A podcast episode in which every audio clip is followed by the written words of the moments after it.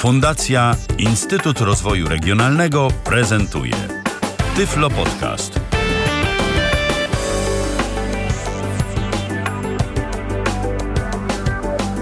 Dzień dobry, e, ponownie w Babim Lecie. Witam serdecznie, Ala Witek. E, jak zwykle jest mi niezmiernie miło, że chcieli Państwo spędzić ten wieczór w naszym towarzystwie. A dziś będzie morsko, żeglarsko, szantowo. E, spróbujemy zobaczyć morze, przynajmniej w teorii. Może się nam uda. E, moimi i Państwa gośćmi e, są dziś przedstawiciele Fundacji Gniazdo Piratów. Roman Roczeń, witam Cię Romanie serdecznie.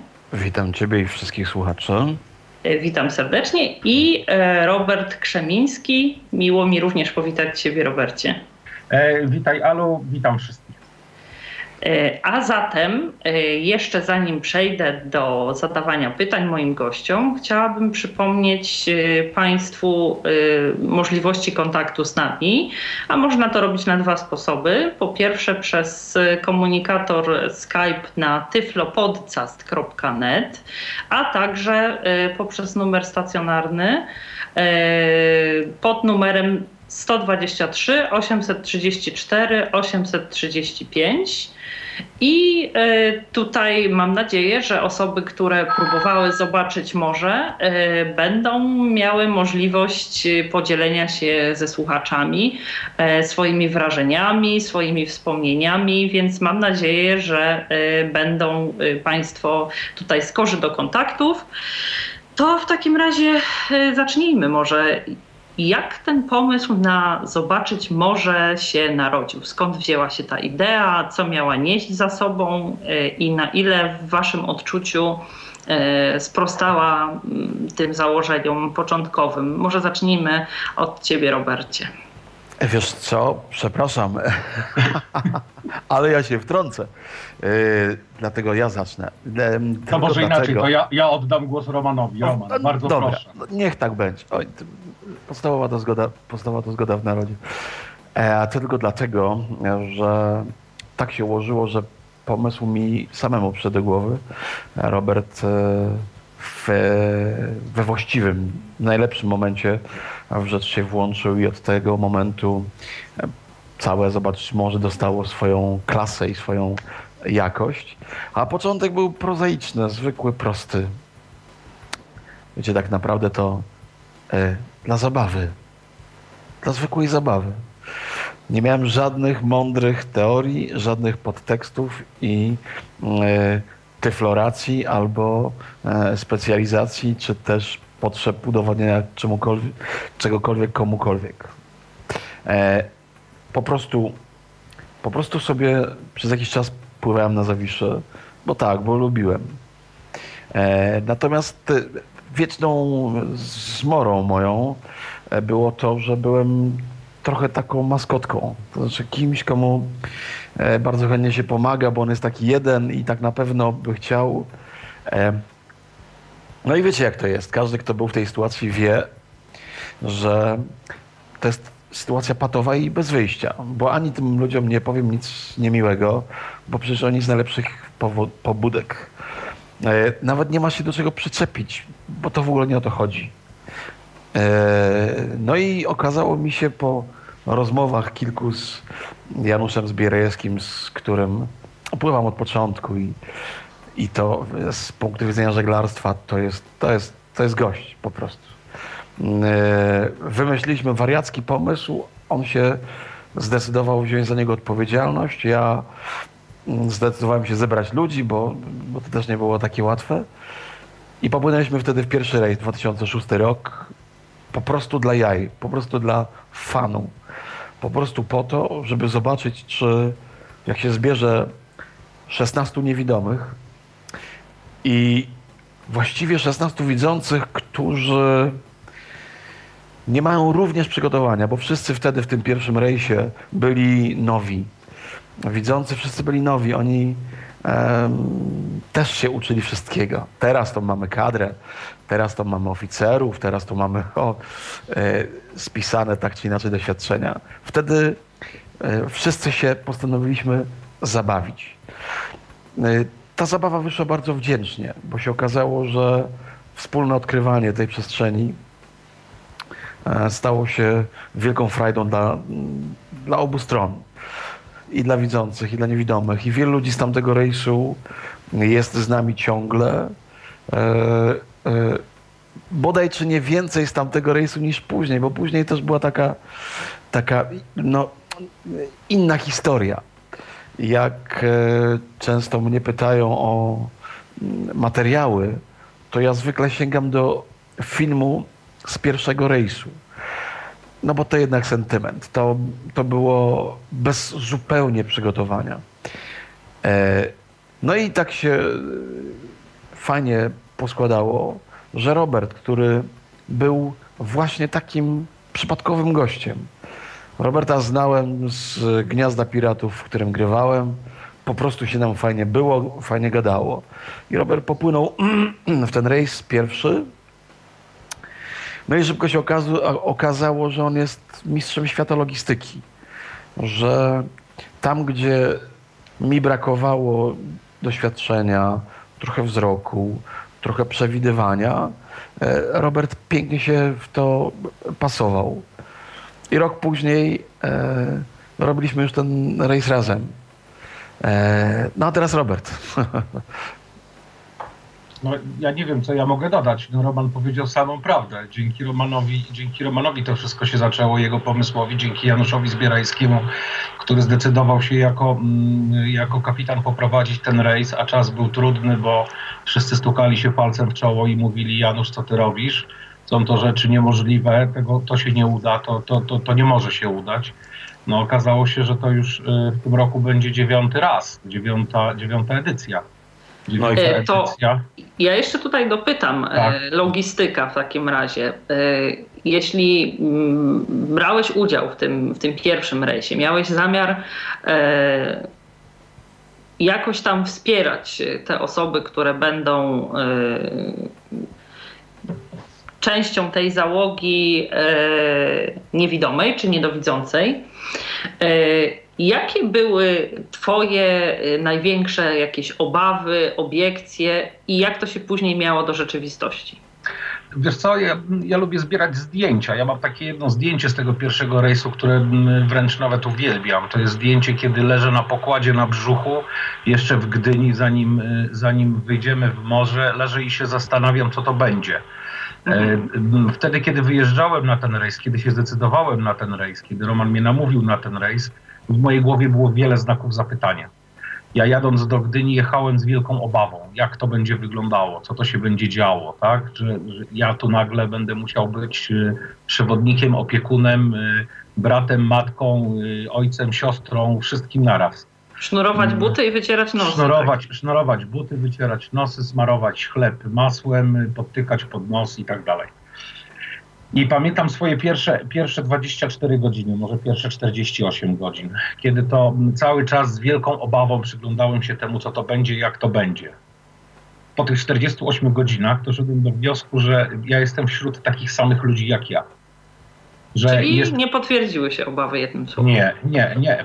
Wiesz co, nie, wręcz przeciwnie. Ja po 48 godzinach poczułem się jak w wielkiej rodzinie, w rodzinie, gdzie jest bardzo fajnie i wesoło, obok mnie tylko siedzi osoba, która mnie widzi, tak? I jak się pyta, gdzie mam, gdzie mam herbatę, to ja mówię po lewej albo po prawej. Wyciągnij rękę do przodu albo skieruj ją trochę w lewo.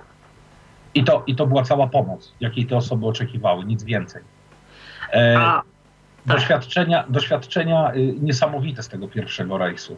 Potem kolejne oczywiście już łatwiej, ale ten pierwszy rejs to było takie przełamanie takiego stereotypu, tak, że mm, mam, mam do czynienia z osobą, której należy za wszelką cenę pomóc. Nie, za wszelką cenę nie. Jeżeli ta osoba będzie wymagała, chciała tej pomocy, to ją otrzyma. Natomiast na siłę nie będę się narzucał. Czyli nastawienie ogólnie e, tej widzącej części załogi jest takie, że e, wszystko działa jak należy i e, przychodzicie z pomocą dopiero wtedy, kiedy po prostu jesteście o tą pomoc przez kogoś proszeni, tak?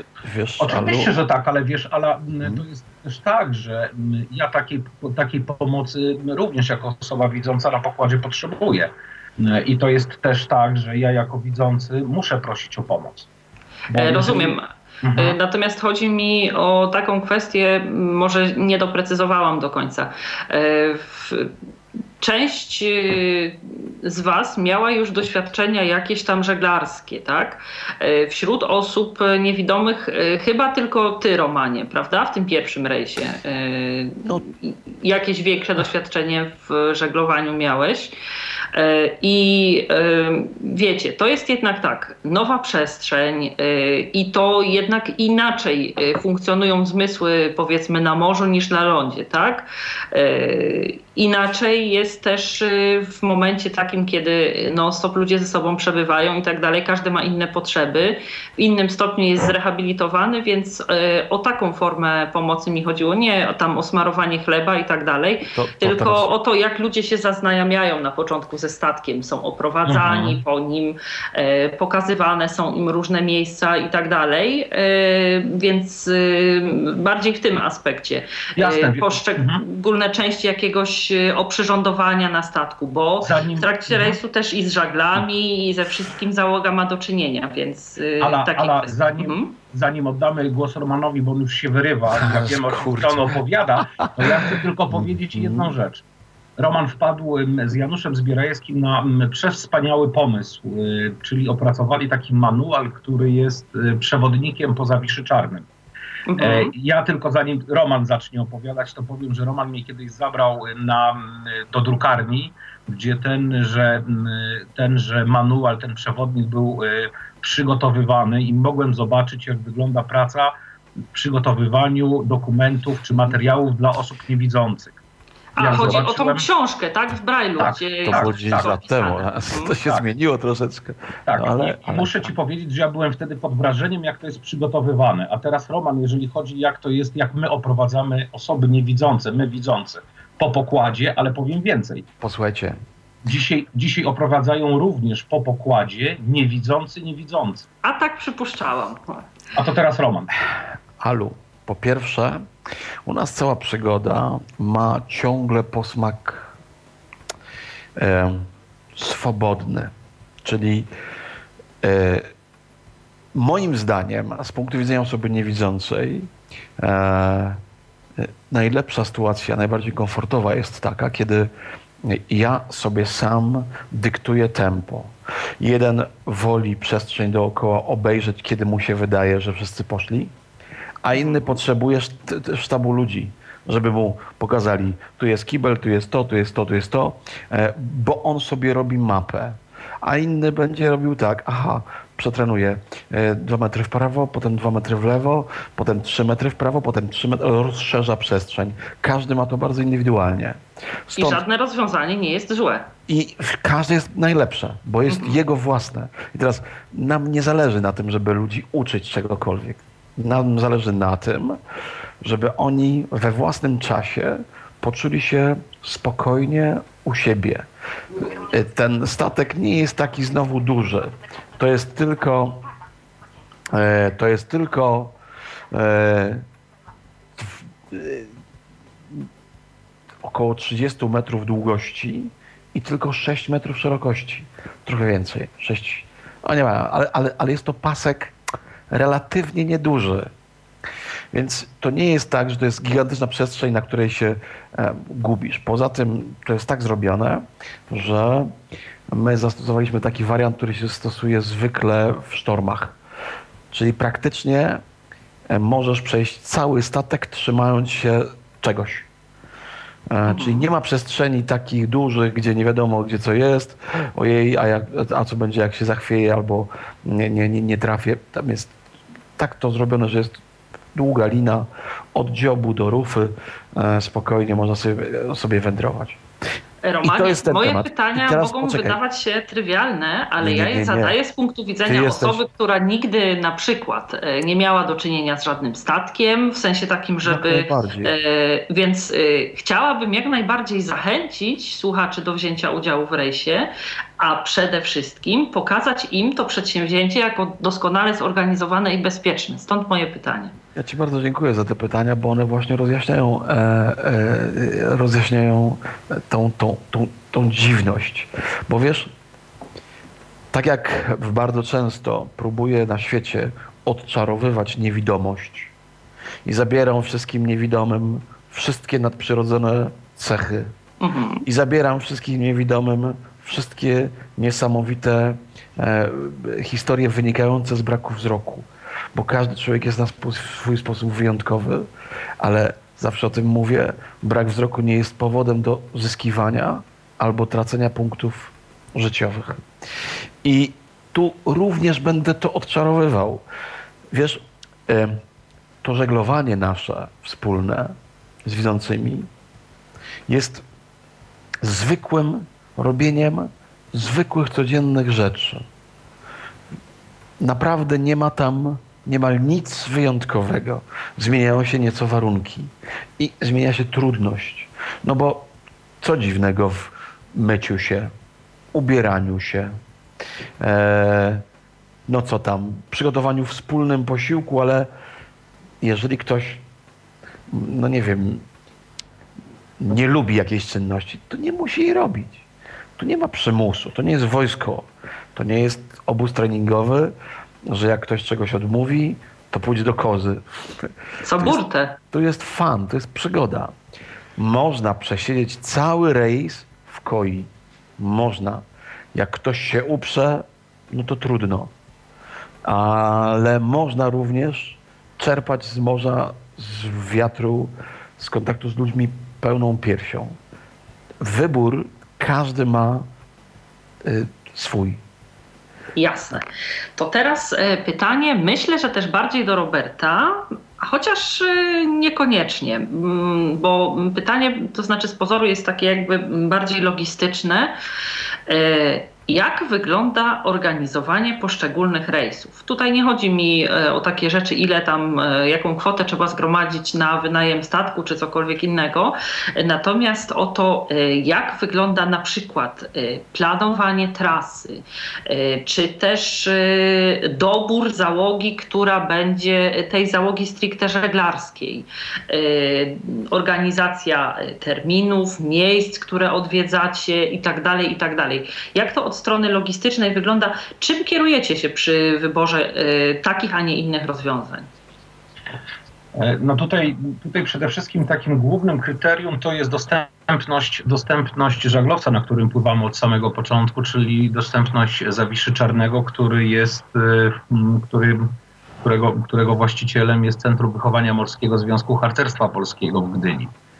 Więc my musimy się dopasować, dopasować y, do ich y, rozkładu jazdy. E, na, na całe szczęście nasza współpraca z CWM jest na tyle, na tyle dobra, że od kilku lat udaje nam się y, otrzymać te najlepsze terminy, czyli terminy wakacyjne. Jest to albo lipiec, albo sierpień. Tak było dwa lata temu, tak było w zeszłym roku i tak będzie w tym roku. I tak będzie również w przyszłym roku, bo już mamy zaklepany termin. Czyli jak się pytasz, jak wygląda, jak wygląda organizacja, organizacja wygląda tak, że my planujemy na dużo, dużo wcześniej. Oczywiście, to e. jest na pewno duże wyzwanie y, logistyczne też pod tym względem, y, nie tylko chyba za bukowania sobie wolnego statku, ale także y, wszelkiego rodzaju kwestie aprowizacyjne, sprzęt, który jest potrzebny na ten czas i tak dalej, prawda? Tak, natomiast to, to wygląda w ten sposób, że tak naprawdę my przygotowujemy każdą edycję, mm, kolejną, następną edycję, zaczynamy ją przygotowywać w momencie, kiedy kończy się edycja mm, w danym roku, czyli mhm. w zeszłym roku, w zeszłym roku po skończeniu mm, projektu już planowaliśmy tą edycję tegoroczną. Już wiedzieliśmy, w jakim terminie będziemy mieli statek, jaką trasę mniej więcej pokonamy, gdzie mniej więcej chcemy popłynąć, co mniej więcej chcemy zobaczyć. Następnie, następnie y, ogłaszamy nabór. Pytałaś się, jak, jak dokonujemy naboru, jak gromadzimy, czy jak pozyskujemy załogę. Robimy to w sposób bardzo prosty. Na, stronie, na naszej stronie internetowej, zobaczyć może, ogłaszamy, że od tego dnia rozpoczynamy nabór, otwieramy możliwość rejestracji w naszym systemie, który, który mamy i, i kto? I ten, kto pierwszy, ten lepszy tak naprawdę. Ten, kto pierwszy, ten lepszy. Warunek jest jeden. Pierwszeństwo mają ci, którzy nie byli nigdy. Mhm, Czyli, rozumiem. y- A z załogą statku jak jest? Y, Ja spytam tak zupełnie laicko. To jest jakaś stała załoga, która obsługuje Mamy, tego... mamy na pokładzie, mamy Mhm. na pokładzie, mamy na pokładzie pięć osób załogi stałej. To jest dwóch mechaników, to jest bosman, to jest kucharz, no i do tej załogi stałej zaliczamy również kapitana. E, W tej chwili od dwóch lat y, każdy z etapów na zobaczyć może prowadzi inny kapitan. E, Janusz y, Zbierajewski, który od samego początku jest w projekcie, jest naszym takim master of captain, czyli takim szefem kapitanów, tak? Y, Doszedł również z nami do wniosku takiego, że należy dzielić się tą wiedzą i dopuszczać innych młodszych kapitanów, by poszerzać to grono chcących pływać z osobami niewidzącymi. Nie, E, nie bojących się widzów. nie bojących się po prostu. Tak. Mhm. E, I tak naprawdę mm, wrzucamy kapitanom, tym, którzy będą prowadzili dany etap, e, taką pigułkę pod tytułem bardzo proszę przygotujcie nam trasę, zaproponujcie coś.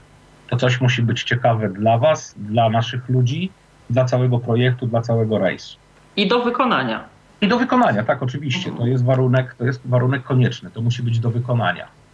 Musimy się zmieścić oczywiście w czasie. My bierzemy czarter na cały miesiąc. W tym miesiącu mamy, w całym miesiącu organizujemy trzy rejsy, trzy etapy.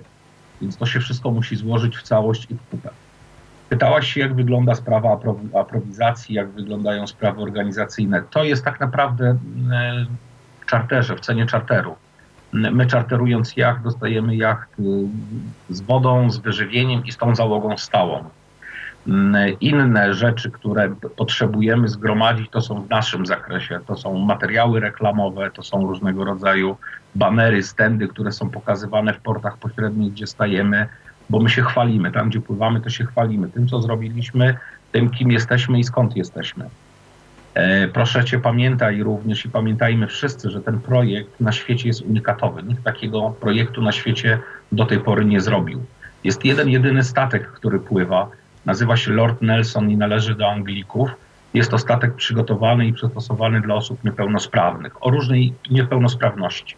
Począwszy od osób y, poruszających się na wózkach, poprzez osoby y, niewidome. Oj, przycięło? Jesteś, Robercie? Oj, coś nam przycięło Roberta? Halo, halo, jestem, O, jestem, jestem. dobrze, tak. dawaj. Jestem. Nie wiem, nie wiem, nie wiem, ale chyba dużo mnie nie. Dużo mnie... Y, Tak, po różnych niepełnosprawnościach przystosowany, wymieniałeś do których y, Tak typów jest. To jest, niepełnosprawności. to jest Mhm. statek, który pływa komercyjnie. Który pływa komercyjnie i zajmuje się, zajmuje się pełną komercją w wożeniu osób niepełnosprawnych. To, co my robimy, Tak, działa na ale zupełnie, zupełnie innych zasadach. Robercie, trzeba powiedzieć, że to jest statek w całości finansowany przez e, Anglików.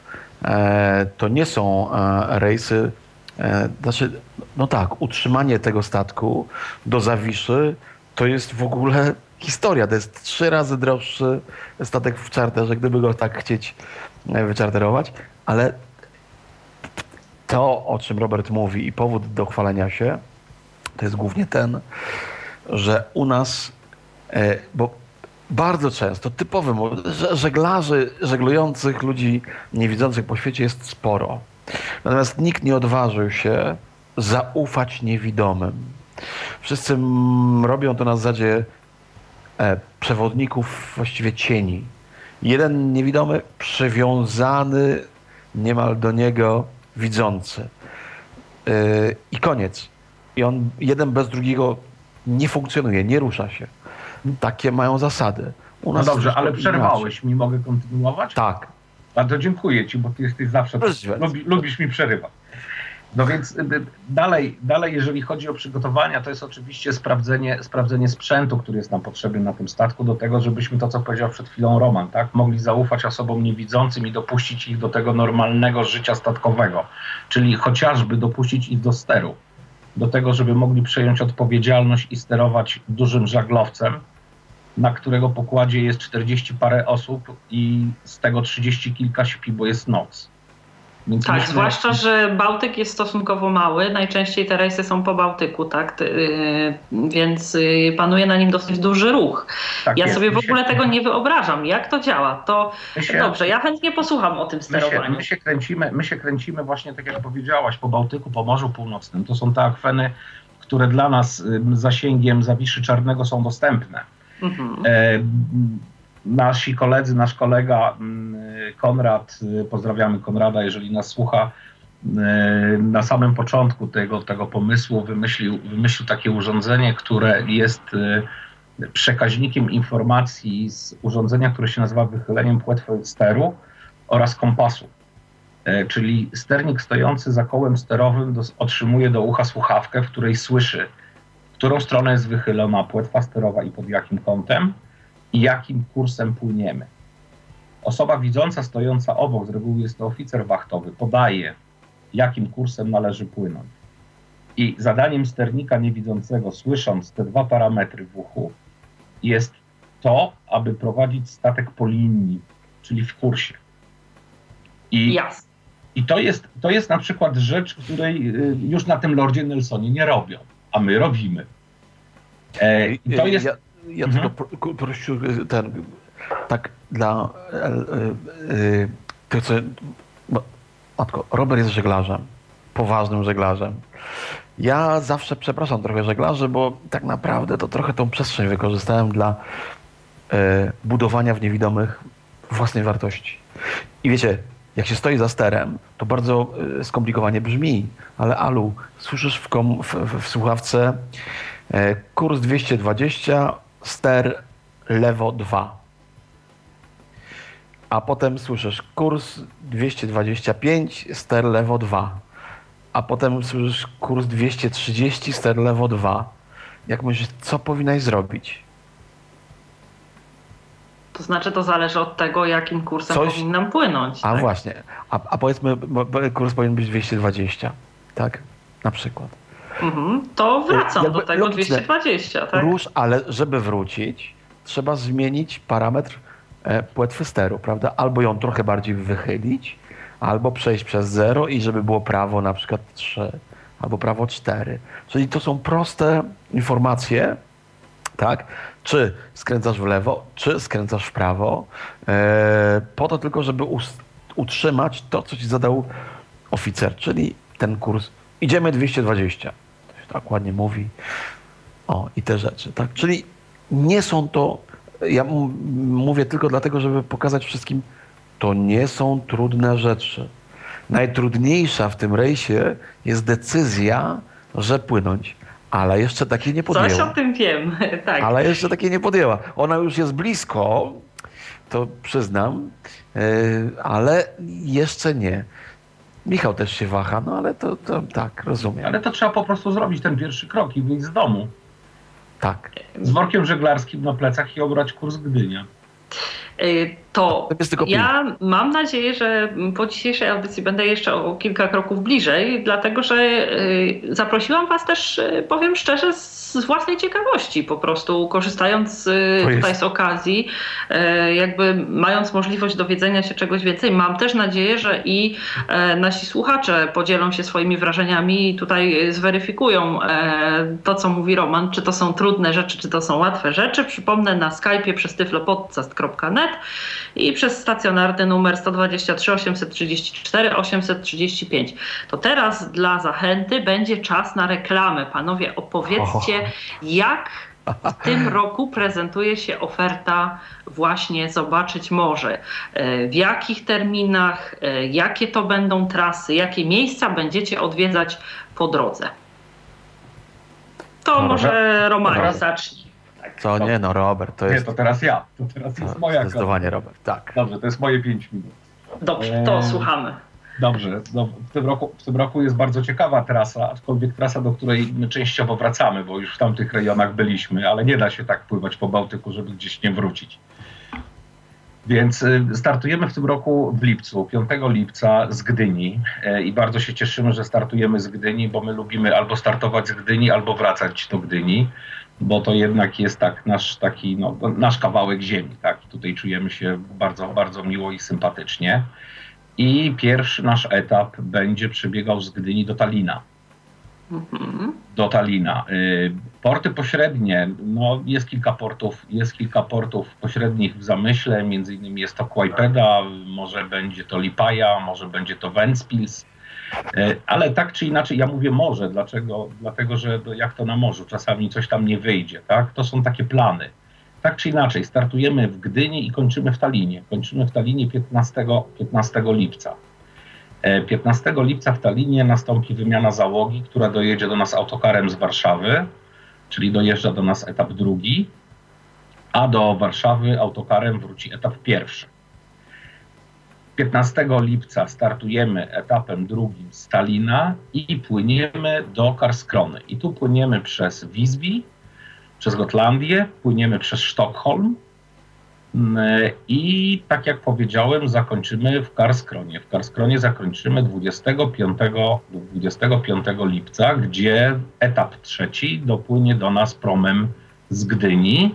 Bezpośrednio Gdynia-Karskrona połączenie promowe, a etap drugi z Karskrony powróci do Gdyni też promem. No i tutaj zaczyna się trzecia przygoda, trzeci etap. Etap, który rozpocznie się w Karskronie, tak jak powiedziałem, 25 lipca. Poprzez y, Bornholm, wyspę Bornholm, y, prawdopodobnie René, y, popłyniemy do Flensburga. We Flensburgu nas jeszcze nigdy nie było, więc będzie to dla nas nowość. Jest to miasto położone na granicy między Danią a Niemcami. I tam zakończymy, tam zakończymy 4, 5 sierpnia, 5 sierpnia naszą przygodę i powrócimy do Warszawy stamtąd autokarem. Tak wyglądają plany na ten dziewiąty etap, dziewiąty, dziewiątą edycję, przepraszam, dziewiątą edycję projektu Zobaczyć Może. No zupełnie Kolejnych 30, mhm. Mhm, kolejnych 31, kolejnych 31 dni na morzu dla projektu Zobaczyć Może. E, ja tylko uzupełnię, że nowością w tym projekcie jest, tak się, długo szukałem tej nowości. Pierwszy raz absolutnie będziemy w Niemczech. To tam nas nie było jeszcze. Rzeczywiście tak się ułożyło. To są rzeczy nie nasze, e, tylko od nas potem e, ktoś inny bierze zawiszę właśnie w Niemczech, we Flensburgu. I to jest ciekawe. E, no, różne trasy robiliśmy w Niemczech będziemy pierwszy raz. Więc ci, którzy będą mm, płynęli w trzecim rejsie, mają niewątpliwą przyjemność pierwszy raz postawienia stopy w ramach projektu zobaczyć może na tamtych terenach. Jasne. A mm, czy ta trasa, te trasy poszczególnych rejsów mogą się zmienić jakoś znacząco na przestrzeni tych e, trzech miesięcy, które pozostały do mm, rozpoczęcia rejsów? Czy to tylko chodzi o porty nie. pośrednie, do których możecie zawinąć bądź nie? Nie, nie, nie. Y, tu się właściwie nic nie zmieni. Mogą się zmienić porty pośrednie tylko dlatego, że na wiatr rady nie ma, a z Neptunem e, to nie ma mocnych, co to potrafią pertraktować. Pogoda jest dobra albo trochę trudniejsza. Czasem w jednym porcie trzeba być dłużej, bo nie można wyjść w morze, e, a w innym krócej albo przesunąć odrobinę trasę, ten plan rejsu, tak żeby, tak żeby to się. Stałe są punkty wymiany załóg.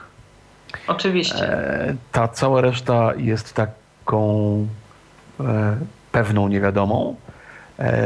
Natomiast to jest bezpieczne, e, bezpieczna pewna niewiadoma. Czyli e, no nie ma tak, to właśnie za to odpowiadają kapitanowie, nie ma tak, że się spóźnimy, przyjeżdża załoga i nie mają gdzie spać, albo właśnie jesteśmy za wcześnie e, i się nudzą, bo mieliśmy płynąć 4 dni, a zrobiliśmy w dzień. No to są wszystko wyliczenia wynikające z prędkości, z mm, różnych historii, ale Jasne. miło i spokojnie. Oczywiście, e, rozumiem. A e, powiedzcie mi to, w takim razie mam jeszcze dwa pytania e, w tej kwestii. Jedno, czy są już na ten dzień, możecie powiedzieć, któryś z tych etapów jest całkiem obłożony, że już nie, nie, nie będzie możliwości zapisania się na niego, czy na wszystkich jeszcze są miejsca, na które można się zgłaszać? No to Robert, bo to taka sytuacja jest... Sytuacja jest, sytuacja jest jak zawsze bardzo poważna, tak powiem. Dlatego że, dlatego, że jeżeli, chodzi o osoby, jeżeli chodzi o osoby widzące, to tak naprawdę mm, rejs już jest obłożony w 100% od dawna. Jeżeli chodzi o osoby słabowidzące i osoby niewidzące, mm, sytuacja wygląda tak, że mm, tak naprawdę mamy, mamy całość pokrytą, jeżeli chodzi o uczestników. E, jeżeli chodzi o etap drugi, natomiast jeżeli chodzi o etap pierwszy i etap trzeci, tam są jeszcze wolne miejsca. Natomiast my mamy zawsze taką umowę z osobami, które się zapisują i które chcą mhm. uczestniczyć w naszym projekcie, że jeżeli uczestniczyłem w rejsie, byłem już choć raz, a znajdzie się osoba nowa, która jeszcze nie była, to ta osoba, która była, ustępuje miejsca osobie tej, która nie była. Aha, i może wtedy y, przenieść się na jakiś inny etap, na I którym są jeszcze wolne tak, miejsca. Tak, I wtedy tak? proponujemy różnego rodzaju rozwiązania, tak, y, żeby przesunąć na, albo na ten etap, albo na ten etap, albo, albo zrobić taki manewr. Cały czas pracujemy nad tym, tak. Nam zależy, nam zależy w tym projekcie, żeby do tego projektu przystępowało jak najwięcej osób, które, które jeszcze nie uczestniczyły. My robimy to po to i dlatego, żeby pokazywać osobom niewidzącym, osobom słabowidzącym, to może, żeby, żeby zarażać ludzi, tak, do tego, żeby właśnie to, co powiedzieliśmy przed chwilą, wziąć worek i wyjść z domu i obrać kurs na Gdynię i popłynąć, tak, i żeby miło i fajnie spędzić czas wśród y, fajnych ludzi, fajnej atmosfery, fajnego otoczenia, nie staramy się, nie staramy się organizować tych rejsów po to, żeby wodzić ciągle i te same osoby, bo to nie na tym rzecz polega. Yy, to ja jeszcze tylko dołożę od siebie tak. Mm, ważne również dla niewidomych to, że bardzo wiele punktów wspólnych mają niewidomi i żeglarze. Bo widzisz, Alu, jest tak, że jak się zrobi ciemno, jak zawieje wiatr, pryśnie wodą z lewa i prawa, to na przykład sternik musi, sięgając ręką, zawsze trafić w miejsce i w rzecz, której się tam spodziewa. Na przykład e, podstawową rzeczą po mm, e, przy wchodzeniu do portu jest ro, robienie klaru, czyli każda lina, każda e, fruwająca rzecz, czyli przemieszczająca się rzecz w czasie rejsu, ma swoje miejsce. E, I stąd e, dla niewidomych jest dużo porządku. E, myśmy robili takie rzeczy, że właśnie na przykład jak wachta stawia żagiel, mm, to można było sobie policzyć, która lina od której strony jest czyja. Ona oczywiście ma kolor dla widzących, tak? Ale nie zdarzyło się, żeby ktoś, żeby komuś przyszło do głowy przypiąć tą linę gdzie indziej. To już Robert wie, że po prostu tak nie ma. E, to jest ten element wspólny. Drugim elementem wspólnym jest to, że, że a, ludzie niewidomi mogą się tam nie tylko nauczyć morza, bo ktoś zapyta, dobra, dobra, ale po co mi tam morze? Ty stary, ja bym chciał tak, wie, pracę złapać, albo kurde tam, nie wiem, no, laskę poderwać, albo e, żeby mnie jakiś facet spotkał, albo żeby miał, umiała się do niego odezwać. To jest właśnie to. To jest właśnie to. To nie są zajęcia z morszczyzny, czyli nawigacji, jak liczyć kąt, no, e, nie wiem, z kompasu. Albo jak chcesz, żeglować z gwiazd. Chcesz, to się tego możesz dowiedzieć, bo tam jest od kogo. Natomiast istotą jest w bezpiecznych warunkach e, sprawdzić siebie e, w pewien nowy sposób. Czyli tak mówiłem, jesteś fantastyczną kobietą, e, masz, e, prowadzisz dom, czyli na przykład rzeczy związane z kuchnią dla ciebie nie są problemem, prawda? Ale jeżeli by ci ten, ten stół kuchenny zaczął się bujać w lewo i w prawo, to zaczyna się to trochę zmieniać. I nie, że to jest niemożliwe, tylko trzeba najpierw opanować, jak ustawić siebie, tak, jak, jak, jak się zaształować, żeby tą rzecz zrobić, bo te 40 chłopa, czy tam e, luda, tak, by zjadło. I to jest rzecz do rozwiązania. I takich rzeczy do rozwiązania tam jest sporo. I teraz tak, możesz powiedzieć, wiesz co, to jest niemożliwe, ja nie dam rady, ja pójdę sobie do koi posiedzieć. Okej, okay ktoś za ciebie to zrobi, bo zrobione być musi. Albo możesz powiedzieć, kurde, ten robi, tamten robi, nie no to ja też chyba, nie? I ludzie Właśnie wracają. taka postawa wydaje Ludzie- mi się bardziej sensowna, bo przecież Wiesz- na tym statku jest ograniczona ilość ludzi i mi się Ale wydaje, że wracają. takie mówienie, że pójdę do koi sobie posiedzieć, no to jak ja tego nie zrobię, to będzie musiał to zrobić ktoś za mnie, tak? No oczywiście, tego się ludzie uczą. W ogóle dużo, dużo rzeczy tam się ludzie uczą. I teraz, e, e, wiesz, ja nie chcę przypisywać nam e, wyjątkowych e, tutaj zasług, Ale przypisuj, taki chwila na reklamę jest teraz. ale, ale mamy parę osób na koncie, którzy z nami popłynęli i moim skromnym zdaniem e, tam chwycili sobie wiaterek w żagle, tam po, poczuli, że można więcej niż można. Bo wierz mi, jak stoisz sobie na tym e, zawiszy, który się kolebie e, i, i, i nie bardzo wiesz na początku, jak to będzie, jak to, jak to przeżyć, jak tu przetrwać. I potem popatrzysz na siebie pod koniec, to jesteś kimś zupełnie innym, kimś, kto spotyka takich zadziwionych, zwiedzających, bo w każdym porcie można do nas wejść i ci ludzie są zadziwieni. E jak to? O, Ależ- o, o, właśnie, to jest to moje drugie pytanie, które A chciałam jak? zadać. Jak w tych portach ludzie reagują na to, e, że przybywacie w takim składzie, przychodzą, oglądają, pytają, czy raczej jakiegoś wielkiego wrażenia nie robi, bo jak mówicie, no tutaj są niewidomi, tak prawda, żeglują jak reszta i e, jak to jest? O tym zaraz ci Robert powie. Ja tylko skończę swoje, że, że e, ludzie tacy jak Tomek Strzemiński. Tomek Strzemiński był na naszym pierwszym rejsie z Basią e, e, e, od, od audiodeskrypcji. Ja przynajmniej uważam, że to zobaczyć może wtedy miało wpływ na to, że to dzisiaj jest naprawdę potężny e, mechanizm. E, Był z nami Jacek Zadrożny, była z nami Ania Rozborska, było e, kto Heniu Rzepka był, o kurczę, i jeszcze i Sylwek Piekarski, i jeszcze Jarek Gniatkowski. E, Ja wymieniam ludzi, których słuchacze znają.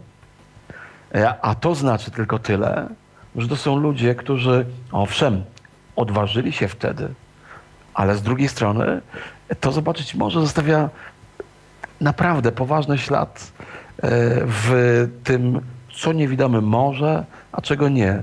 I naprawdę w wielu przypadkach człowiek sam sobie ograniczenia stawia e, e, e, i już. A, a tu przy okazji miłej zabawy e, e, u, łatwo można te rzeczy przewartościować i pokazać sobie, bo ja zawsze o tym mówię, że tą nagrodę za złamanie, przełamanie siebie bierzesz ty sam, nikt za ciebie.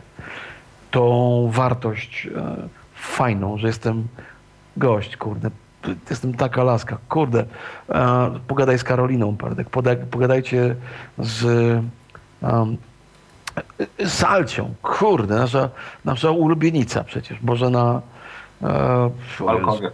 o, Walkowiak z Wrocławia. I całkiem możliwe, że będziemy mieli okazję z kimś rzeczywiście pogadać, bo ktoś gdzieś do nas dzwoni w tym momencie. Halo, kogo E, dzień, dobry, dzie- dzień dobry, Piotr z tej strony. Który Piotr? E, Rakowski. Rakowski. O, witamy Piotra. E, Ja. A tak. Ja halo? chcę powiedzieć, że e, jestem, tak?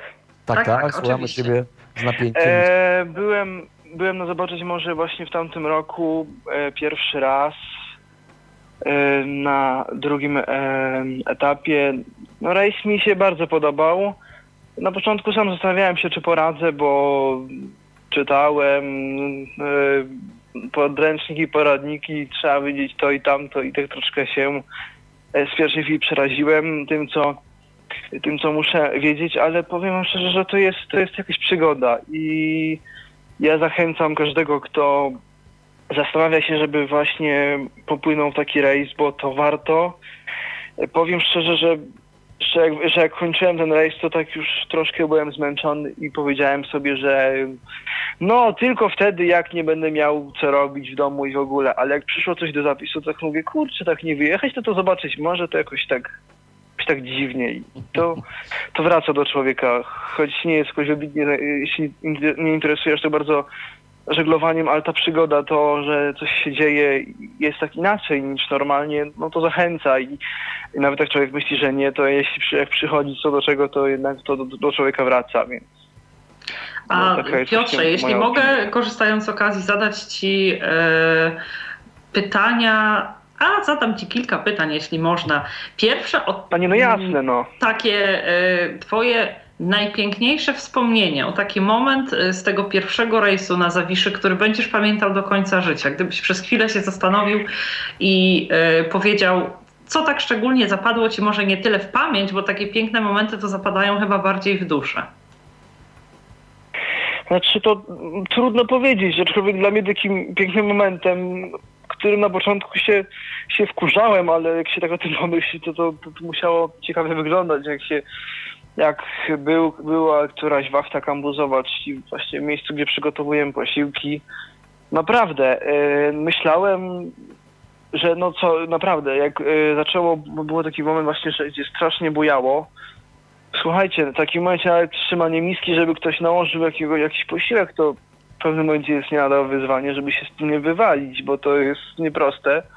A, a później było też tak, że po obiedzie, naj, najciekawsze było to, jak po obiedzie się e, najpierw e, e, wychodziło z kubryku i się jedną ręką trzymało, potem się e, zmieniało daną rzecz, którą się przenosiło do kambuza i, i się tylko czekało na moment, żeby nie, nie podlało, a czasami tu się przyklnęło, bo, bo to tak było, ale naprawdę to jest, to jest klimat, gdzie trzeba sobie poradzić, e, no to jest to jest coś, gdzie czasami jest chłodno i powiem wam szczerze, że po każdym takiej akcji, czy to w akcie nawigacyjnej, co by nie było, to tak czasami to, szczerze mówiąc, czasami się nawet kolacji nie aby jak najwięcej, najwięcej się wyspać w tym kubryku, pójść spać do koi.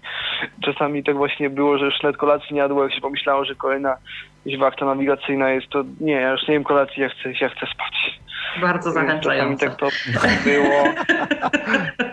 Za, zachęca, zachęcające jest to, że po, pierwsze dzwoni, po drugie mówi, że jak schodził, to y, powiedział, że nie, a teraz mówi, że chce wracać. E, Ale, tak, też pamiętajcie, ale też pamiętajcie o tym, że to się szybko kończy. To jest tylko 10 dni.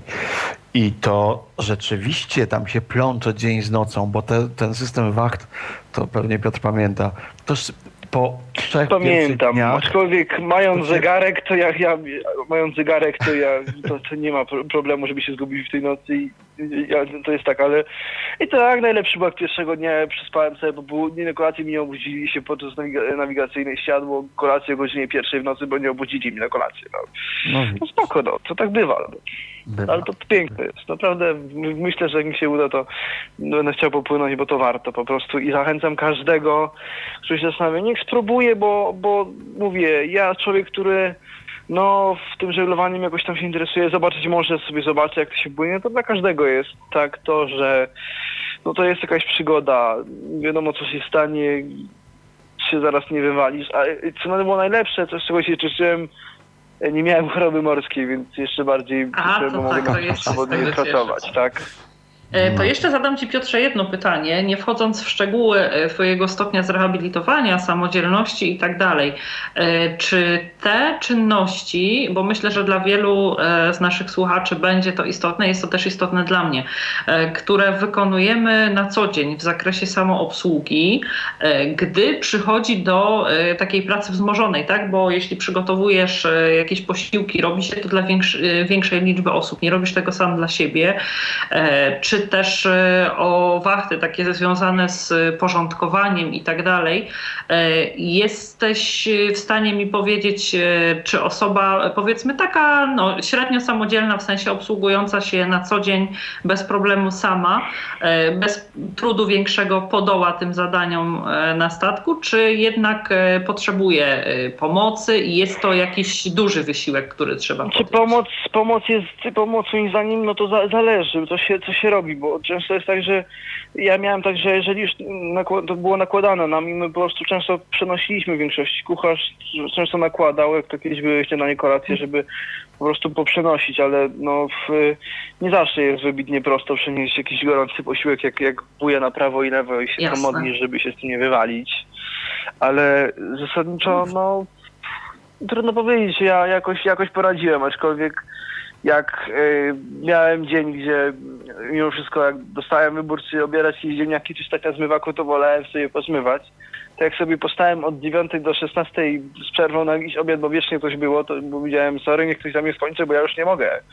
No tak. to po długim czasie jest męczące, bo jest tyle naczyń, że no, ale, ale, ale lubię zmywać, ale mówię, to jest do pewnego momentu, jak się ma tyle naczyń i jeszcze chciałoby się chwilę spokoju, a tu, no to coś jeszcze. I tak się skończy i to jakby tak, no przypadek na, sto, na stopniu, No ale że trzeba, się fajnie, że to dostaje. trzeba uzupełnić, że wachta kabuzowa jest raz na cztery dni. To Nie no, trzeba jasna A sprawa. tak, No, to, to, to, ja- wiedzieli, że to nie jest tak, że wszyscy cały czas tam Yy, zmywają. Obierają kartofle i zmywają. O, tak, tak. Nie, nie, ja z, jest- zapytałam Romku o to dlatego, że od osoby, którą uważam za osobę samodzielną, Mhm. e, usłyszałam, e, że jest to wspaniała przygoda. E, Niepowtarzalne przeżycie, że rzeczywiście w kontekście takim emocjonalnym e, wyniosła e, bardzo wiele.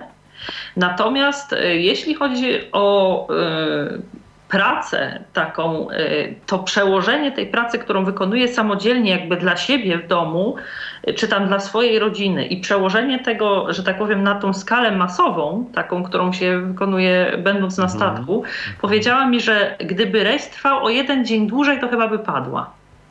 Więc No. dlatego stąd moje pytanie. Rozumiem, ale E, No czasami ja, ja też miałem takie wrażenie pod koniec rejsu, że sorry, ale ja nie mogę, niech to się w końcu skończy. Niestety tak bywa czasem. Trochę zmęczenie skutkuje tym, że tak trochę się myśli pod koniec. Znaczy ja miałem trochę takie myślenie, ale, ale pomimo tego po roku, no chcę się wrócić, tak, I to mimo wszystko. To jest wa- wspaniałe. To, tak jest. I to właśnie to, dlatego, że e, zwykłe, e, zwykle rejsy z Zawiszą trwają 7 dni. Taka tygodniówka. Wychodzimy w e, niedzielę, wracamy w sobotę. E, to nawet 6 dni. I to jest taki standard. Ja przedłużyłem to specjalnie, wymyśliliśmy o te 10 dni, bo mm, po pierwsze, niewidomi potrzebują troszkę więcej czasu na zapoznanie się z jachtem. Mhm. To jest pierwsza sprawa. Po drugie, e, naprawdę te 7 dni to jest za krótko, czy 6. Natomiast te 10 dni jest na granicy. Pływałem w 14-dniowych rejsach i to już jest troszkę za dużo. Mhm. A te 10 to jest takie, takie. Bardzo serdecznie Piotrze dziękujemy Ci, że zadzwoniłeś do nas i podzieliłeś się e, swoimi wrażeniami. E, W takim razie, jeśli będziesz płynął, to życzę Ci pomyślnych wiatrów, stopy wody pod kilem, czego tam jeszcze się życzy. Wspaniałej pogody chyba. Pogoda zawsze jest wspaniała.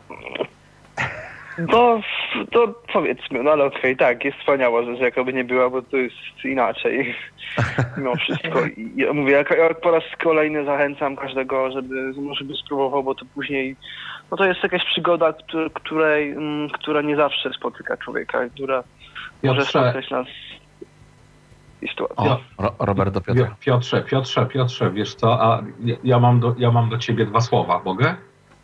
No, No, Piotrek, tak. słyszysz mnie? Mam do ciebie dwa słowa. Weź Tak, się tak, do roboty, słyszę, słyszę. Weź się do roboty. o, Weź się To- za szczotkę i weź się do roboty. Czyli wnoszę, że wcześniej już to gdzieś padały. to takie- jest hasło bosmańskie. Aha. Weź się, Piotrek, do roboty. Do, do roboty. E, To dziękujemy Słuchajcie, Ci. bardzo, bardzo, bardzo, fajnie było, bardzo fajnie było posłuchać tego, co powiedział Piotr, przyznam szczerze. Mm, y, Dla mnie jest to, dla mnie jest to bardzo ciekawe, y, to co usłyszałem. Mm, y, Przyznam szczerze, że jeszcze chciałbym posłuchać tego typu, tego typu wypowiedzi. Ja też. E, bardzo fajne, tak. Ale ja bym chciał tutaj, ja bym chciał tu powiedzieć jedną rzecz. To jest, to jest, mm, to jest sprawa, której, którą my wprowadziliśmy i cały czas się jej trzymamy. Tak? My na pokładzie staramy się pokazywać i pracujemy takim prawdziwym życiem e, jachtowym, żeglarskim, marynarskim, pokładowym. E, I to jest normalne, normalna praca, normalne dzieło. Tutaj nikt nie wymyśla sobie e, jakichś dziwnych, dziwnych rzeczy, czy rzeczy, których, które są, które jest ich więcej niż na normalnym rejsie. E, To jest taka, to jest typowe życie, typowe życie na statku. Gdybyśmy nie mieli tej pracy, gdybyśmy nie mieli zajęcia zmywania, przygotowywania, szorowania pokładu, robienia klaru, sprzątania, to my byśmy się na tym pokładzie zanudzili. bo byłoby za dużo wolnego tak, czasu. tak. Więc y, tutaj y, ja się cieszę, że ja słyszę tego typu sygnały. To znaczy się, że y, Piotrek się nie nudził, tak? I nie może powiedzieć, że on się nudził, bo on miał jakąś pracę. Więc wyniósł. Jasne, nie, również, nie, nie nudziłem się. No, więc wyniósł również coś z tego, z tego rejsu i to mnie bardzo cieszy. Piotrek, zapraszamy. E, Bardzo No. Ci Piotrze dziękujemy. Ja, ja też dziękuję, że mogłem zadzwonić i dziękuję za tą audycję, bo sam Michałowi w którymś momencie podsuwałem pomysł jakiś czas temu. Więc, No mówisz masz. No się więc- cieszę, że udało się.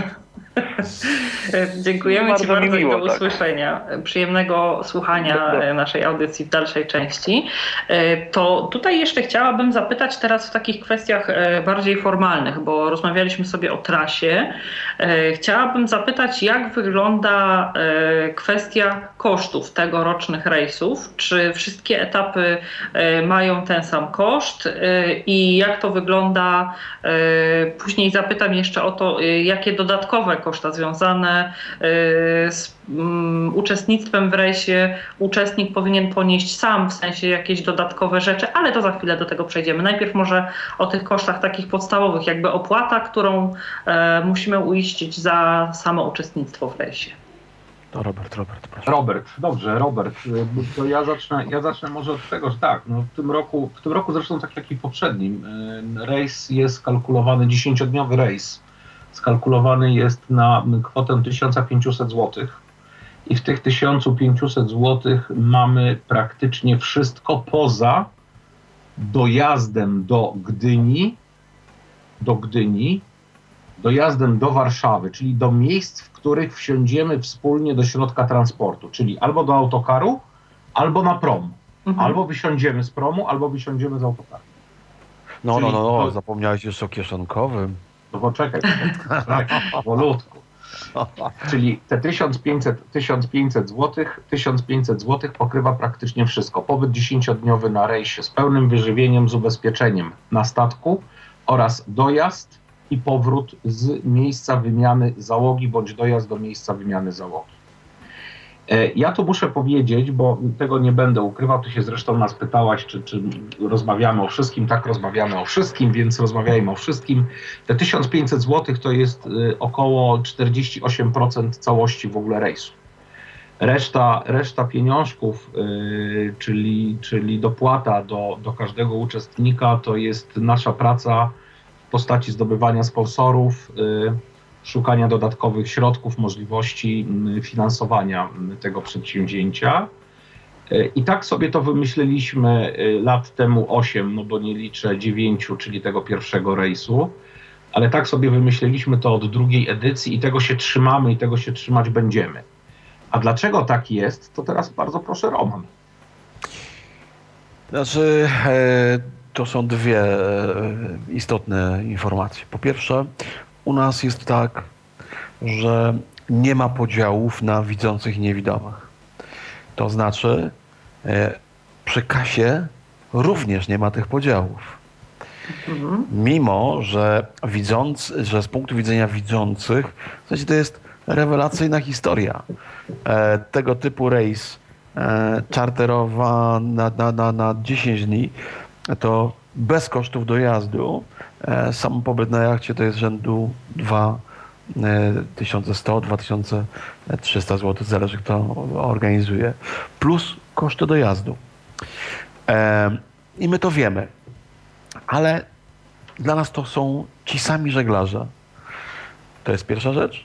E, I druga rzecz, no to rzeczywiście kalkulacja na tym poziomie to jest coś, co my możemy udźwignąć, coś, co uważam, że jeżeli ktoś uzna za ważne, to znajdzie te pieniądze, a jeżeli ich nie znajdzie, to my mu pomożemy, e, e, e, no, pomożemy mu. Ja nie mówię, że mu damy, bo ja wiem, jaką destrukcyjną robotę robi dawanie mm. W, w, w, takich mm, wariantach.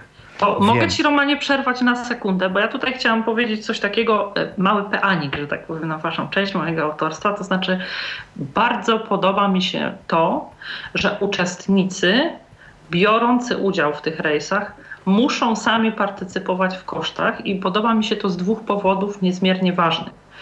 E, po pierwsze, dlatego, że człowiek to jest takie stworzenie, że jeśli coś dostaje, to na ogół tego nie szanuje. Natomiast jeśli sam ma jakiś choćby połowiczny wkład, to automatycznie to staje się w pewnej mierze w tym materialnym aspekcie również jego przedsięwzięciem.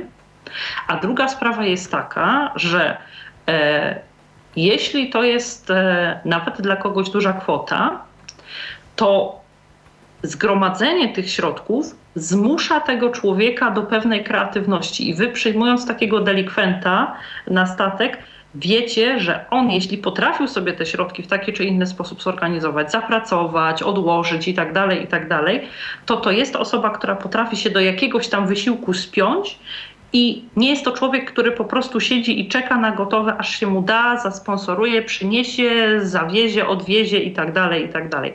E, Mamy to, kolejny to, tak telefon. Tak tyle z mojej strony. O, Pięknie. słuchamy. Mhm. Halo? Kogo słuchamy? Halo? Halo, halo, słuchamy, Witam serdecznie. Z kim mamy przyjemność rozmawiać? Halo? Halo? Y, dzień dobry, Jakub Leśniak się kłania. O, witamy. Witamy. Y, y, miałem wielką przyjemność w tamtym roku zadebiutować na rejsie. Płynąłem w drugim etapie wraz z synem Tomaszem ze Stavanger do Antwerpii. Wspaniała rzecz, zachwycony. Podziwiam, gratuluję. A odezwałem się w tej chwili, bo od godziny próbowaliśmy, tu syn nie pomagał i tak naprawdę to przypadkowo udało nam się włączyć teraz. To tym bardziej się cieszymy, że się udało. Kilku minut dopiero słuchamy rozmowy.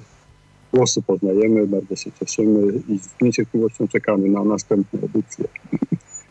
Ja jestem pełen uznania dla samych twórców, animatorów. To, to jest gigantyczna rzecz, zrobienie takiego projektu, uruchomienie, utrzymanie, yy, napędzanie ludzi do tego, żeby chcieli to robić i zachęcać ich do, zachęcanie do udziału.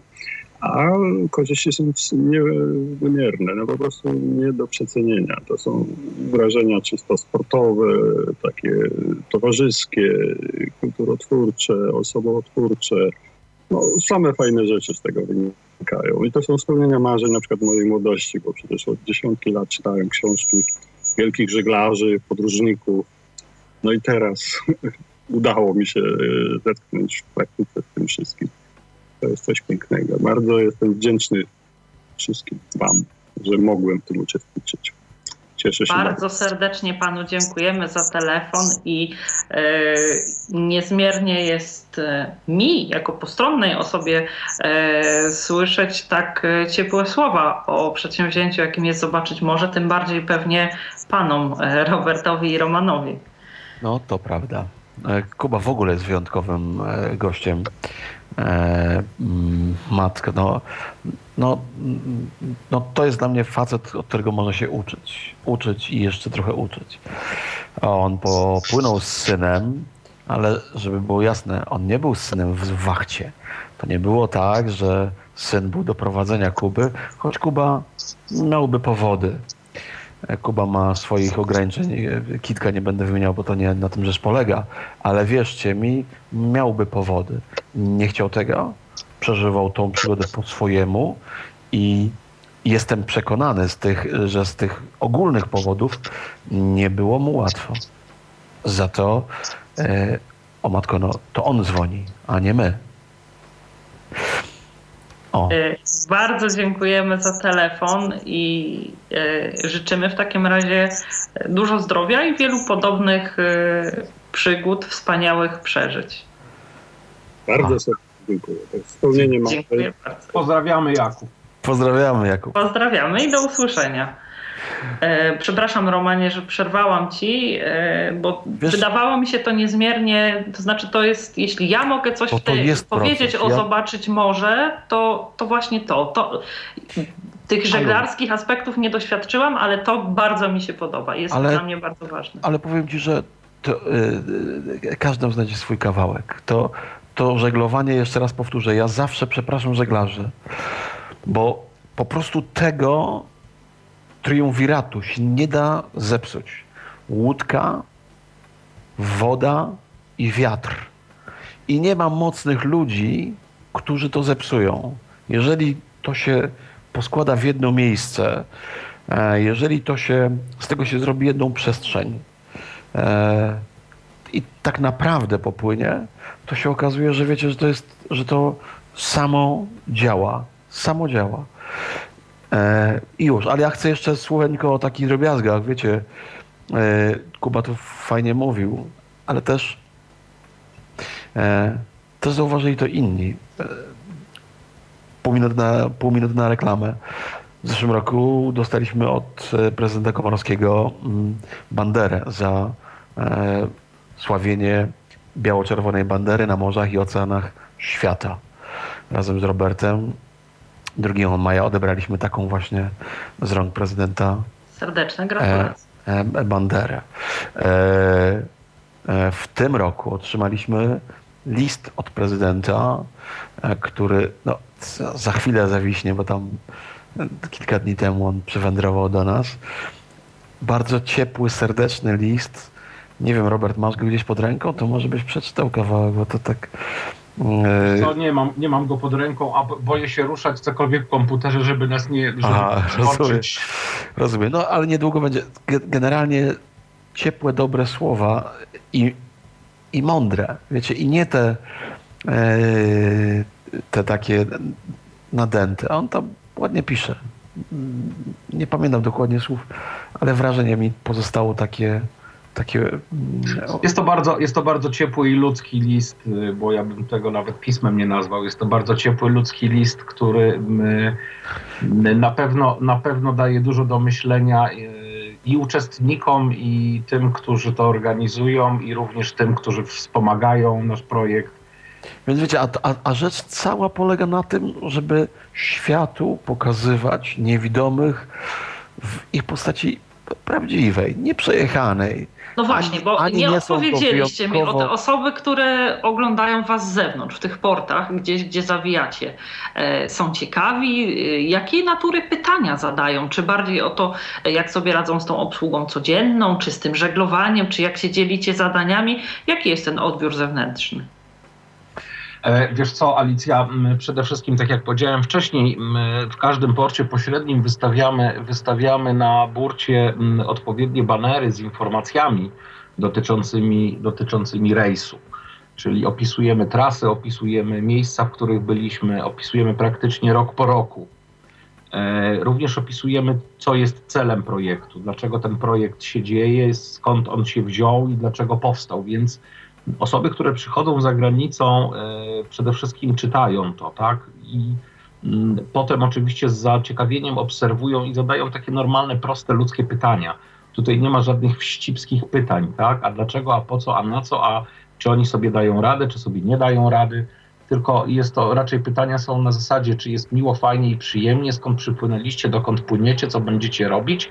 Natomiast ludzie, ludzie są dobrymi obserwatorami i widzą, tak? Widzą, że na pokładzie poruszają się osoby niewidzące, które sobie doskonale dają radę, tak? Dosko dają sobie radę właśnie o takich czynnościach, przed chwilą mówił Piotr, tak? Przy przenoszeniu na przykład posiłków y, z kambuza do kubryku. Osoby niewidzące oczywiście nie widzą tych y, wzroków, tak? tych ludzi z Pirsu, z nabrzeża. Natomiast nie ma, to co mnie się najbardziej w tym podoba, nie ma wścibskich, wścibskich komentarzy, nie ma wścibskich pytań. Ale jest, zacieko, jest zaciekawienie, jest duże zaciekawienie, jest bardzo duże zrozumienie, to co mnie się znowu podoba, że coś takiego się dzieje i coś takiego jest organizowane. I jest gdzieś również jakaś taka, wiesz, nie wiem, podziw, tak? Podziw. Mhm. To tak trzeba, trzeba to określić. Jest też i podziw z tym, że to wszystko jest naprawdę bardzo stonowane i takie bardzo rozsądne i to mi się podoba. I taktowne. A ja, rozwinę. Tak, bardzo, tak, bardzo taktowne. O, tak, dobre słowo. Mhm. A ja rozwinę to jeszcze i dorzucę to, dorzucę do tego coś, co mi przyszło teraz do głowy. Eee, w czasie tegoż projektu i przebywania na tym statku mnie, osobie niewidomej, wolno o wiele więcej e, niż wydawałoby się, że wolno. O co chodzi? Myślę, że wielu z nas niewidomych nakłada sobie pewne ograniczenia. Nie wypada, a jak będzie, jak tam dotknę, a to tam głupio wygląda, a to może nie dotknę, a tam podstęp, e, prawda? Na, na Zawiszy dość szybko, dość szybko przez dużą liczbę niewidomych e, zaczynamy być u siebie i wolno mi popstrykać, i wolno mi klasnąć, wolno mi się dowiedzieć po mojemu, jaka jest odległość odtąd do tamtąd. I nikt mi nie powie, a co ty tak, tak, tak głupio wyglądasz tam, a co tam, ten, nie? Y, to jest bardzo ważne. To jest bardzo ważne. Każdy e, dość szybko wchodzi na taki własny, nie wiem, czy umiem to, czy, czy, czy ja, ja jasno to opowiadam, mm, ale chodzi o e, taki psychiczny spokój każdego z nas, że po pierwsze nie ma tutaj e, tego zdawania egzaminu. Ja mam takie może, no nie wiem, może to moje, tak, że, że jak idę ulicą i ktoś idzie za mną i ja zwalniam, on też zwalnia, to ja zaczynam zdawać egzamin. Wpadnę czy nie? A on tak patrzy, kurna, no wyjdzie mu czy nie? Ja taka zagadka, nie? Irytuje, zwykle zatrzymuję się, przypuszczam, bo to bez sensu. E, tam tego nie ma, bo tam ani nie ma czasu, a nawet jakby był czas, to tam wszystko jest w takim lekutkim szumie. Może daje takie fajne tło, e, dobre, ciepłe tło. I ta przestrzeń się tak wokół mnie zamyka. Ktoś, kto jest trzy metry ode mnie, jeżeli dobrze może gada, to jego już nie ma. Jego nie ma i nie interesuje mnie. Dość szybko się resetuję i wyłączam ten, ten nadogląd świata, um, który każe mi jakiejś rzeczy robić albo nie. E, Czyli odpuszczasz sobie autocenzurę, tak? Zupełnie. Mhm. Po prostu jestem sobą dla siebie.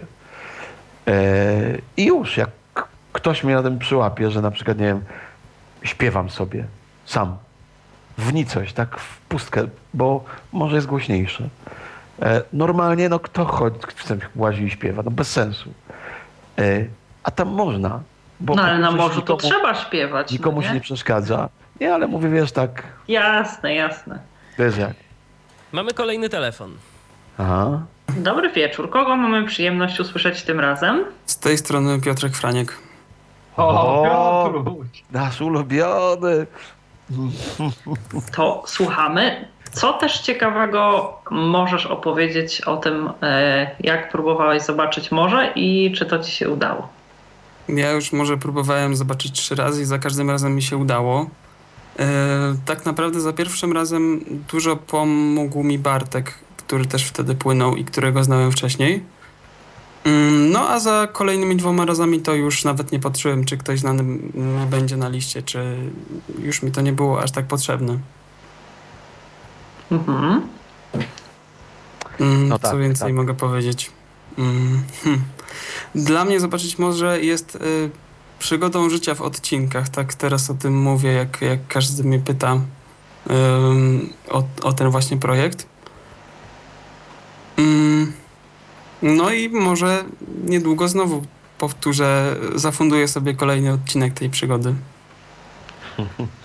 A co jest dla ciebie takie najbardziej fascynujące? E, skąd bierze się ten dreszczyk? Bo mówisz o przygodzie życia, nie ma przygody e, bez tego przysłowiowego dreszczyka, więc e, co budzi tą niezwykłą ekscytację? Jakie wrażenia docierają do ciebie jakby bardziej? Na czym się skupiasz? Co jest dla ciebie najważniejsze w tej przygodzie?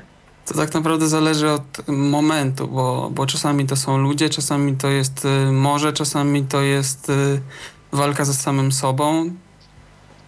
To różnie bywa po prostu. Zależy właśnie od, od tego, jaka jest, jaka jest pogoda, czy, czy może szaleje, czy może jest spokojne, czy ludzie są ciekawi, czy akurat y, jest z kim pogadać w trakcie przerwy na spanie lub niespanie. O, jesteś? Jestem, jestem. No, e, no i to po prostu ciężko, ciężko jednoznacznie odpowiedzieć na to pytanie. Rozumiem. E, bardzo dziękujemy za kolejny telefon i e, również za e, takie bardzo pozytywne odczucia związane z rejsami. Ja tutaj coraz bardziej czuję się przekonana do, do tych rejsów i mm, do atmosfery panującej na Zawiszy podczas ich trwania. Bardzo dziękujemy Piotrze za telefon i do usłyszenia. Też dziękuję i pozdrawiam wszystkich. Pozdrawiam serdecznie. E, to porozmawialiśmy sobie o tych kosztach takich podstawowych. A chcia... ma, mogę, tak? mogę przerwać? Tak, oczywiście. Cały czas A, sobie przerywamy, Piotrek więc jest, nie ma problemu. Piotrek jest, Piotrek jest, takim, Piotrek jest takim przykładem, e, dobrze, że się wyłączył, ale pewnie nas słucha. Słucham, ale Piotrek, słucham. O, Słuchasz no, jest, no, to dobrze. Jeszcze dobra. się nie wyłączyłem, okay. ale chyba, że już okay. się wyłączyć. To, to nie, Piotrek, dobra, nie wyłączaj się. E, Piotrek jest takim przykładem e, faceta, którego ja pamiętam e, po raz pierwszy, jak przyjechał na rejs i był strasznie wyciszony, strasznie taki wycofany, wystraszony, przerażony, co to będzie w ogóle, co się wydarzy. I muszę powiedzieć, że Piotrek należy do tych osób, do tych, do tych uczestników, którzy będąc po raz pierwszy na Zawiszy i odbywając pierwszy swój rejs, przełamali swoją, nie chciałbym powiedzieć osobowość, ale no gdzieś się złamali na to pozytywnie i zrobili się tak bardzo mocno pozytywnie nakręceni do działania i do różnego rodzaju dziwnych przedsięwzięć życiowych. Piotrek, mam rację, czy, czy, czy oszukuję trochę? No, w zupełności masz rację.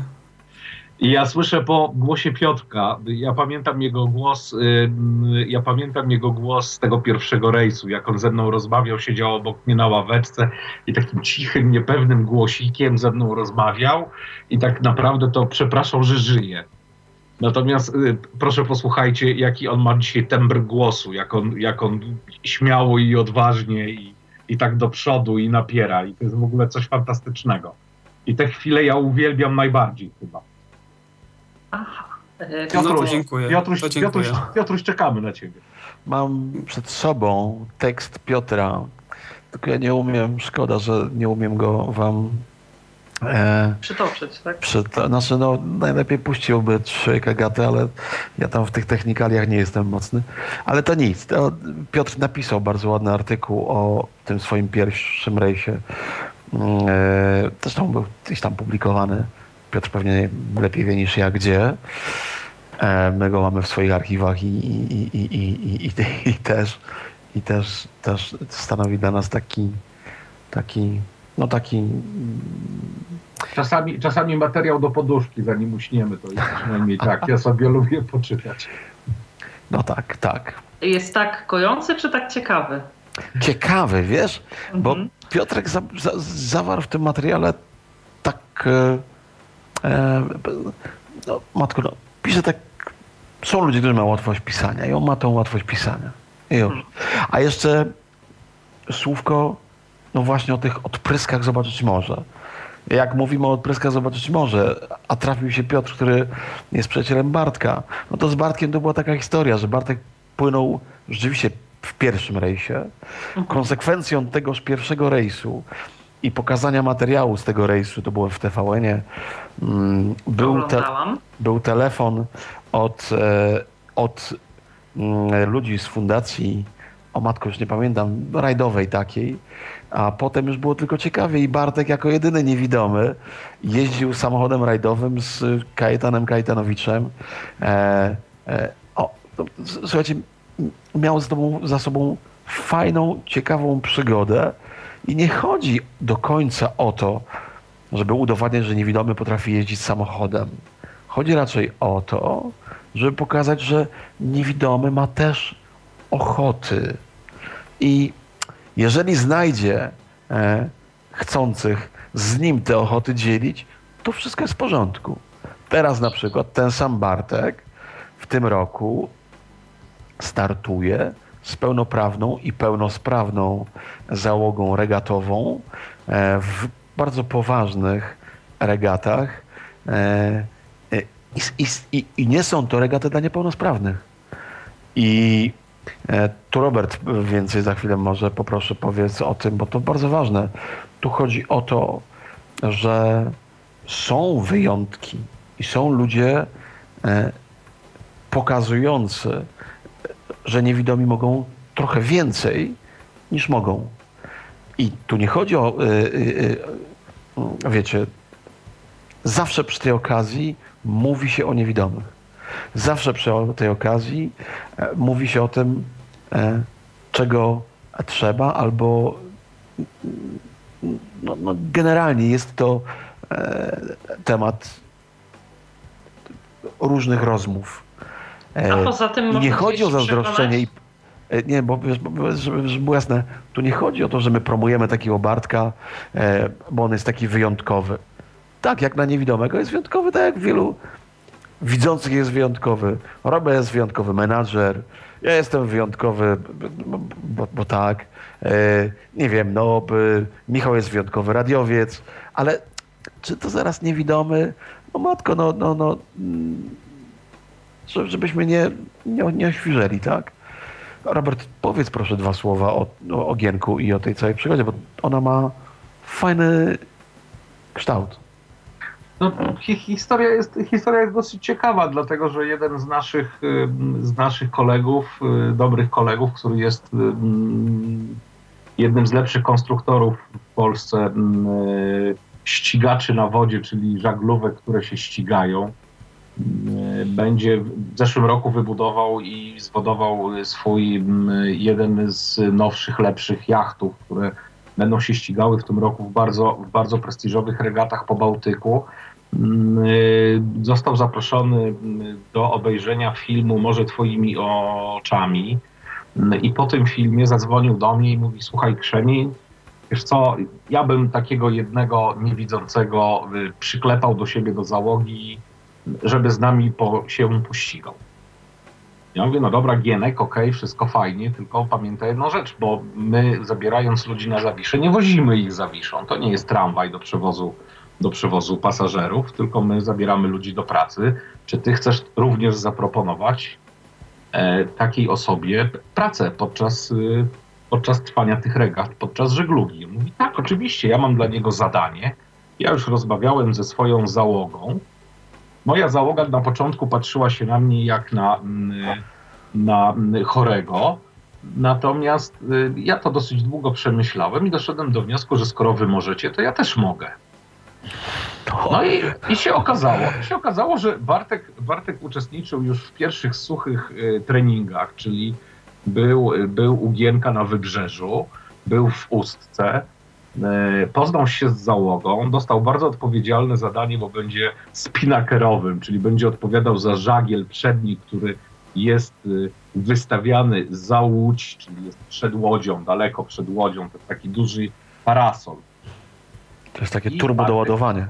Takie turbo doładowanie jak w samochodzie. To jest takie turbo tak. doładowanie żaglówki. I Bartek będzie odpowiedzialny za to, aby ten żagiel wyjąć z pod pokładu, przygotować do postawienia, a potem go złożyć, ładnie ułożyć i przygotować, żeby był znowuż gotowy do postawienia. Jedno z, jedno z najważniejszych i bardzo odpowiedzialnych zadań podczas regat, bo od tego zależy, czy ta łódka dostanie tego turbodoładowania, czy nie dostanie. I to Czyli wtedy, rozumiem, kiedy... że swoje zadanie musi wykonać migiem, tak? I swoje zadanie musi wykonać migiem. migiem. No i okazuje się, bo mam zdaną relację tutaj od tego kolegi Gienka, który będzie kapitanem i skiperem na tym jachcie, że Bartek był, wniósł bardzo dużo do załogi ciekawego i nowego, ponieważ pokazał kolegom widzącym, jak można pewne rzeczy pooznaczać tak, by życie było łatwiejsze i prostsze. No, bo, Czyli morał z tego taki, że wielka przygoda może być początkiem kolejnej wielkiej przygody. Dokładnie tak. To tak. I jeszcze powiem taką rzecz, Alu. To jest ciekawe doświadczenie generalnie. Wracamy do Zobacz Morze. To jest tak, że wielu niewidomych uczy widzących, e, no, że tak powiem, obsługi siebie. Bo ci widzący, oni tak Wiesz, oni przyjeżdżają zwykle napakowani tą świętością e, taką odjazdową. E, to jadę na taki fajny rejs, będę pomagał i pomagał i jeszcze trochę pomagał. A jak mnie znudzi pomaganie, to wtedy będę pomagał i trochę jeszcze popomagam. I tak mu się wydaje. No i wchodzi na Zawiszę. I patrzy, o jest niewidomy, to ja mu pomogę. Patrzy, drugi, ojej, to mu też pomogę. Trzeci nadchodzi i czwarty. Jezu, ile ich. I okazuje się, że wszystkim się nie da. I wtedy dopiero zaczyna się normalnie. Czyli osoba widząca potrzebuje ułamka sekund na to, żeby stwierdzić, czy mu trzeba pomóc, czy nie. I tego oni się uczą. Tak? E, I po mniej więcej 24 godzinach e, z tej e, z, z tego nadpomagania robi się już spokój, już luzik. Już nie ma e, takiego no, ciśnienia, tak? Do tego jeszcze dochodzi tak. normalne, żeglarskie czy turystyczne, bo to samo funkcjonuje w górach, zmęczenie ludzkie, ludzki ogląd tychże niewidomych, tak? I już to nie jest ten święty niewidomy, taki nawiedzony, bo on taki kurde niewidomy i taki jeszcze trochę niewidomy. Tylko zaczynamy, ten, ten jest leniuch, a ten jest burek, a ten się niefajnie odzywa, a ten e, na przykład unika e, tam czegoś tam, prawda? E, I robią się naturalne takie e, podziały i wolno niewidomych nie lubić. A dlaczego nie? Jeżeli jest kimś, kto musi w życiu pewne sprawy przerobić, to wolno go nie lubić. Brak wzroku, jak mówiłem na początku, nie jest powodem do zmuszania, żeby wszyscy niewidomych lubili. Stąd wyjeżdżało nam z rejsu, bywa, niewidomi, którzy w ogóle im się rejs nie podobał, bo nikt się nimi nie zajmował, bo tu nie ma żadnych ciekawych historii. No, bywa. Ale są też znaczy, ludzie... ja takich osób, którym rejs w ogóle by się nie podobał, szczerze mówiąc nie spotkałam. E, były osoby, które mówiły, że e, na przykład to czy owo wydawało się im trudne. Albo były osoby, które mówiły, że trudno im było e, wykroić choćby najmniejszą przestrzeń dla własnej prywatności. Natomiast takich, które mówiłyby na przykład, że nie wiem, rejs był źle zorganizowany, albo że czuły się przez kogoś źle traktowane, czy coś takiego, tak, z takimi takimi opiniami się nie spotkałam. Rozumiem. Widzisz, e, tutaj, ponieważ my nie zajmujemy się jachtingiem, czyli u nas mhm. te warunki nie są hotelowo dobre. Ani nie, to ja y, abstrahuję e... od tego, czy ten ktoś miał rację, czy nie. Mówię tak o. Mhm. takich odczuciach, wiesz, natomiast, natomiast ja, na przykład, ja na przykład bardzo szanuję znanego, nawet z filmu, też muszę zobaczyć ten film, ciekawy jestem, Rysia Sawę, który z nami był. I Rysiu Sawa do dziś funkcjonuje jako ewenement. Rysiu zszedł z jachtu i powiedział nigdy więcej. Ale dlaczego? Za mało przestrzeni. Nie było gdzie pobiegać. Rysiu codziennie rano przywiązywał się e, dętką do masztu. Dętką, żeby, żeby, żeby, no, żeby mieć napięcie tamten. I biegał. I dla niego, matko, tyle czasu tak, bez biegania. Dla niego to była, dla niego to, to była męczarnia. Męczarnia i to E, on w ogóle nie odzywał się w sprawie tam żeglowania. Tam, to, to właściwie mu się podobało, tylko ten brak przestrzeni dla niego był, był e, trudny, ale, ale był raz, rozumiem. E, Byłem, widziałem, zobaczyłem, to szanuję, moja bajka. Tak, tak jest. Tak ja się też właśnie zastanawiam, e, chciałabym dowiedzieć się, jeśli mogę zaapelować do naszych słuchaczek, które ewentualnie brały e, udział w rejsach, e, bo jestem ciekawa e, takiego jakby kobiecego punktu widzenia, bo wiadomo, e, panie. Mm, może nie to, że gorzej znoszą niewygody, natomiast e, lubią znaleźć trochę czasu na to, żeby poświęcić e, sobie jakiemuś e, takiemu e, zadbaniu o własną powierzchowność. Więcej jednak panie w podróż zabierają różnego rodzaju rzeczy, strojów, e, kosmetyków, rzeczy jakichś przeznaczonych do pielęgnacji, makijażu itd., tak itd. E, I chętnie bym się dowiedziała od uczestniczek rejsu, jak e, tego rodzaju potrzeby potrafiły realizować e, w warunkach właśnie jakiegoś ograniczonego czasu, przestrzeni itd. Tak itd. Tak Więc jeśli któraś z Pań będzie gotowa podzielić Aha. się tego rodzaju spostrzeżeniami, to bardzo chętnie posłucham. Zapraszam. E, dobrze, panowie, e, bo tutaj tych pytań mam jeszcze sporo, a czas ucieka. Chciałabym o taką, wydaje mi się, bardzo ważną rzecz zapytać, co uczestnik rejsu powinien zabrać ze sobą w sensie takim, jakie doposażenie, tak? bo to podstawowe wyposażenie na statku jest, e, pozwoli mu na większy komfort, e, w co powinniśmy się zaopatrzyć. Jakąś specjalną, e, nie wiem, odzież żeglarską, jakiego rodzaju powinno to być e, obuwie, e, jakiego rodzaju, mm, nie wiem, jakieś e, środki medyczne czy paramedyczne, co e, takiego powinniśmy zabrać ze sobą, aby e, ten komfort podróży, e, podróży komfort żeglowania, przebywania na statku podnieść dla siebie samego. Zaczniemy, zaczniemy chyba od tego, co jest dla nas najważniejsze i co zawsze powtarzamy wszystkim i o tym przypominamy. Tak? Zabieramy ze sobą przede wszystkim te lekarstwa, które na co dzień stosujemy. Mhm. E, czyli zabieramy, no, nie wiem, to, co bierzemy na co dzień, rano, wieczorem, południe, tak, czy 3, 4, 5 razy dziennie, tak czy inaczej, te pigułki ze sobą zabieramy, żeby je mieć, żeby nie było problemu, że nie mam i teraz mamy problem. No tak, na środku Reszta... morza apteki mhm. nie ma. Jak już nie zabierzemy, jest. umarł w butach, tak? A, apteka na statku zawsze jest jakaś, natomiast ta apteka to jest taka apteka mm, mm pierwszej, pierwszej pomocy. Potrzeby. I tam znajdziemy zawsze aspirynę, znajdziemy też jakiś antybiotyk jak trzeba i znajdziemy środki przeciwbólowe i znajdziemy plaster, bandaż i wodę utlenioną. Natomiast tych lekarstw, które przepisuje lekarz na receptę oczywiście nie znajdziemy. Natomiast jeżeli chodzi o mm, doposażenie inne, to my zawsze polecamy i doradzamy, żeby zabrać przede wszystkim ze sobą kaloszki. Takie gumiaczki najtańsze, jakie tylko mogą być kupione gdziekolwiek. Nie muszą być to specjalistyczne, specjalistyczne kalosze, ale jednak kalosze. Tak jak powiedział y, wcześniej Piotr, y, czasami zdarza się tak, że ta fala się przelewa po pokładzie i szkoda jest zamoczyć e, nogi, a wiadomo, że od nóg zaczyna się katar, prawda? Więc takie kalosze, kalosze są bardzo, bardzo wygodne, przydatne i, i niejednokrotnie chronią nam, chronią nam ciało, chronią nas przed, przed katarem. Zawsze należy zabrać ze sobą oczywiście bieliznę, odzież na zmianę, taką cieplejszą, czyli jakiś sweter, jakiś polar, jakieś spodnie dresowe, Dobrze by było oczywiście zabrać jakieś spodnie, które są mm, wodoodporne, jak i również kurtkę, która jest wodoodporna, deszczoodporna. Natomiast jeżeli się nie ma takiego stroju, nie ma się prawdziwych sztormiaków, czy nie ma się takiej kurtki mm, typowo turystycznej, tak? Wystarczy zwykła peleryna za dosłownie parę złotych nabyta w sklepie ogrodniczym albo w sklepie sportowym. E, pamiętajmy, że jeżeli jedziemy pierwszy raz na taki wyjazd, e, nie musimy być ubrani super rewelacyjnie, modnie żeglarsko. Chodzi o to, żebyśmy byli ubrani ciepło i ubrani tak, żeby nas w razie czego nie zmoczył deszcz. I to jest najważniejsze.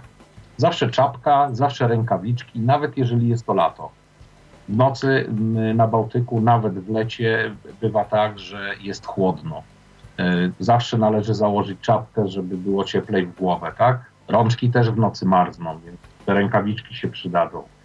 I tu naprawdę nie ma żadnych specjalnych jakichś e, Bóg wie jakich wymagań. A do czego to wszystko spakować? Bo rozumiem, że mm, półmetrowa walizka na kołach nie wchodzi w rachubę. Wiesz co, Roman z reguły pakował się do futerału od gitary i to nie jest mądry, i to nie jest mądry pomysł, dlatego że futerał od gitary jest sztywny i twardy, tak samo mhm. jak walizka na kółkach. Czyli da, jakiś plecak taki powiedzmy zmiennokształtny tak, bardziej, tak? Która się nie da tak, która się, ta, ta, ta, na, pewno, na pewno taka torba, na pewno ta, taki, takim, taki, taki, takim, tak to musi być zapakowane, żeby dało się to wygodnie umieścić albo w koi, albo w bakiście koło koi. Natomiast walizki, różnego rodzaju sztywne torby odpadają i to mówimy na dzień dobry i, i tego się przez tego, tego się wzbraniamy wręcz bo to potem jest zawali droga wszędzie w kubryku, ludzie się o to potykają, przewracają, nie ma gdzie tego, tego normalnie złożyć. A torba zawsze miękka, zawsze można jeszcze ją wsadzić pod głowę albo pod nogi i jest wygodnie. To tutaj dopytam w kwestiach e, właśnie tych objętości e, bagażu, czy jakieś ograniczenia e, w tej materii są i jak sobie radzą e, ludzie na statku w ograniczonej przecież przestrzeni, tak? Z no umieszczeniem tego wszystkiego. Tu jest bardzo proste ograniczenie. Znaczy tak naprawdę po pierwsze e, tyle ile wniesiesz, no to wniesiesz. Nie jest łatwo. Więc tak każdy jak się pakuje i wyjeżdża, no to jakieś tam ograniczenia się pierwsze pojawiają. Potem, kiedy się już przyjeżdża na statek, no i rzeczywiście masz rację, każdy, jeden ma więcej, drugi ma mniej.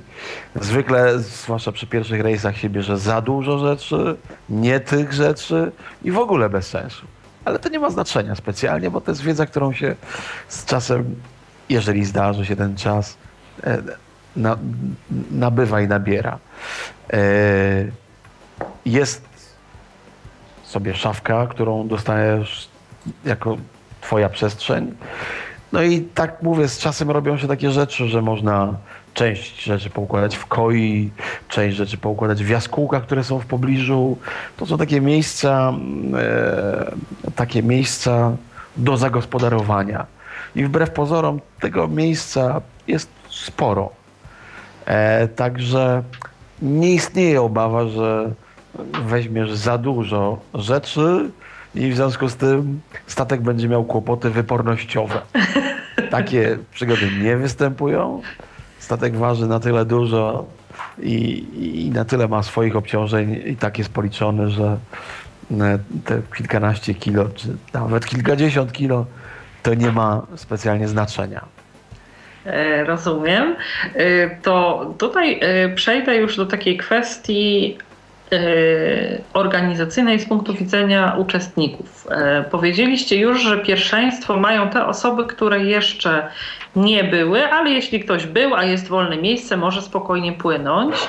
E, natomiast chciałabym spytać o innego rodzaju ograniczenia. Czy w jakimś sensie ograniczyć może czyjeś uczestnictwo wiek, rodzaj lub stopień niepełnosprawności.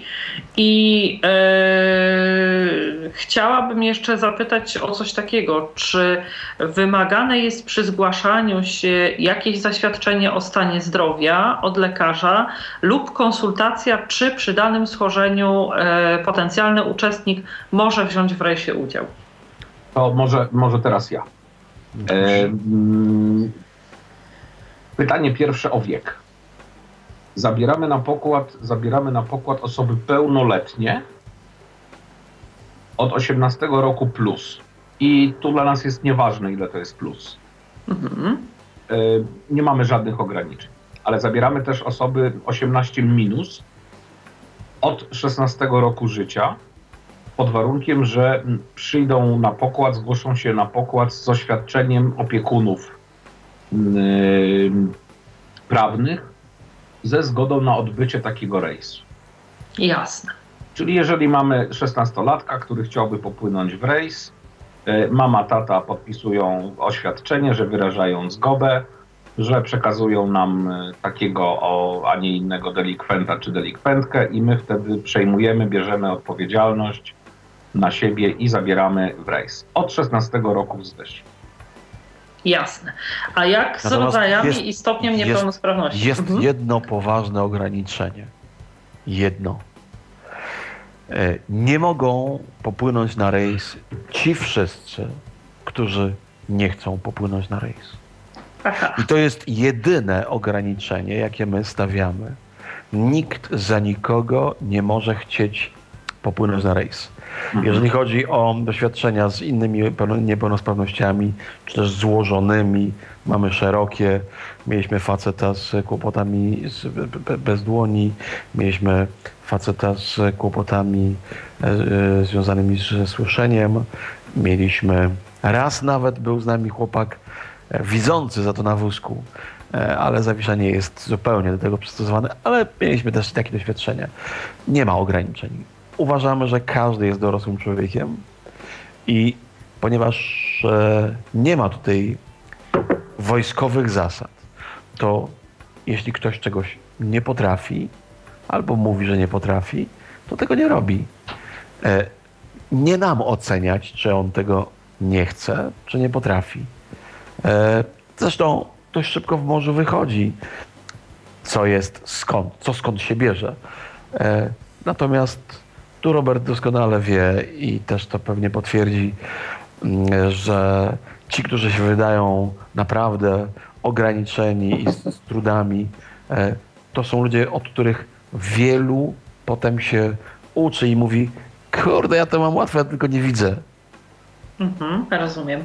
A w kwestii tych y, zaświadczeń lekarskich, czy są y, trakcie y, weryfikacji uczestników potrzebne takie zaświadczenia o stanie zdrowia, czy na Nie. przykład w sytuacjach wątpliwych zalecacie to, żeby się skonsultować ze swoim lekarzem prowadzącym, na przykład osoba, która nie może podejmować, wiecie, ze schorzeniami siatkówek na przykład przy podnoszeniu, Ale czy jakimś wzmożonym wysiłku co? i tak dalej.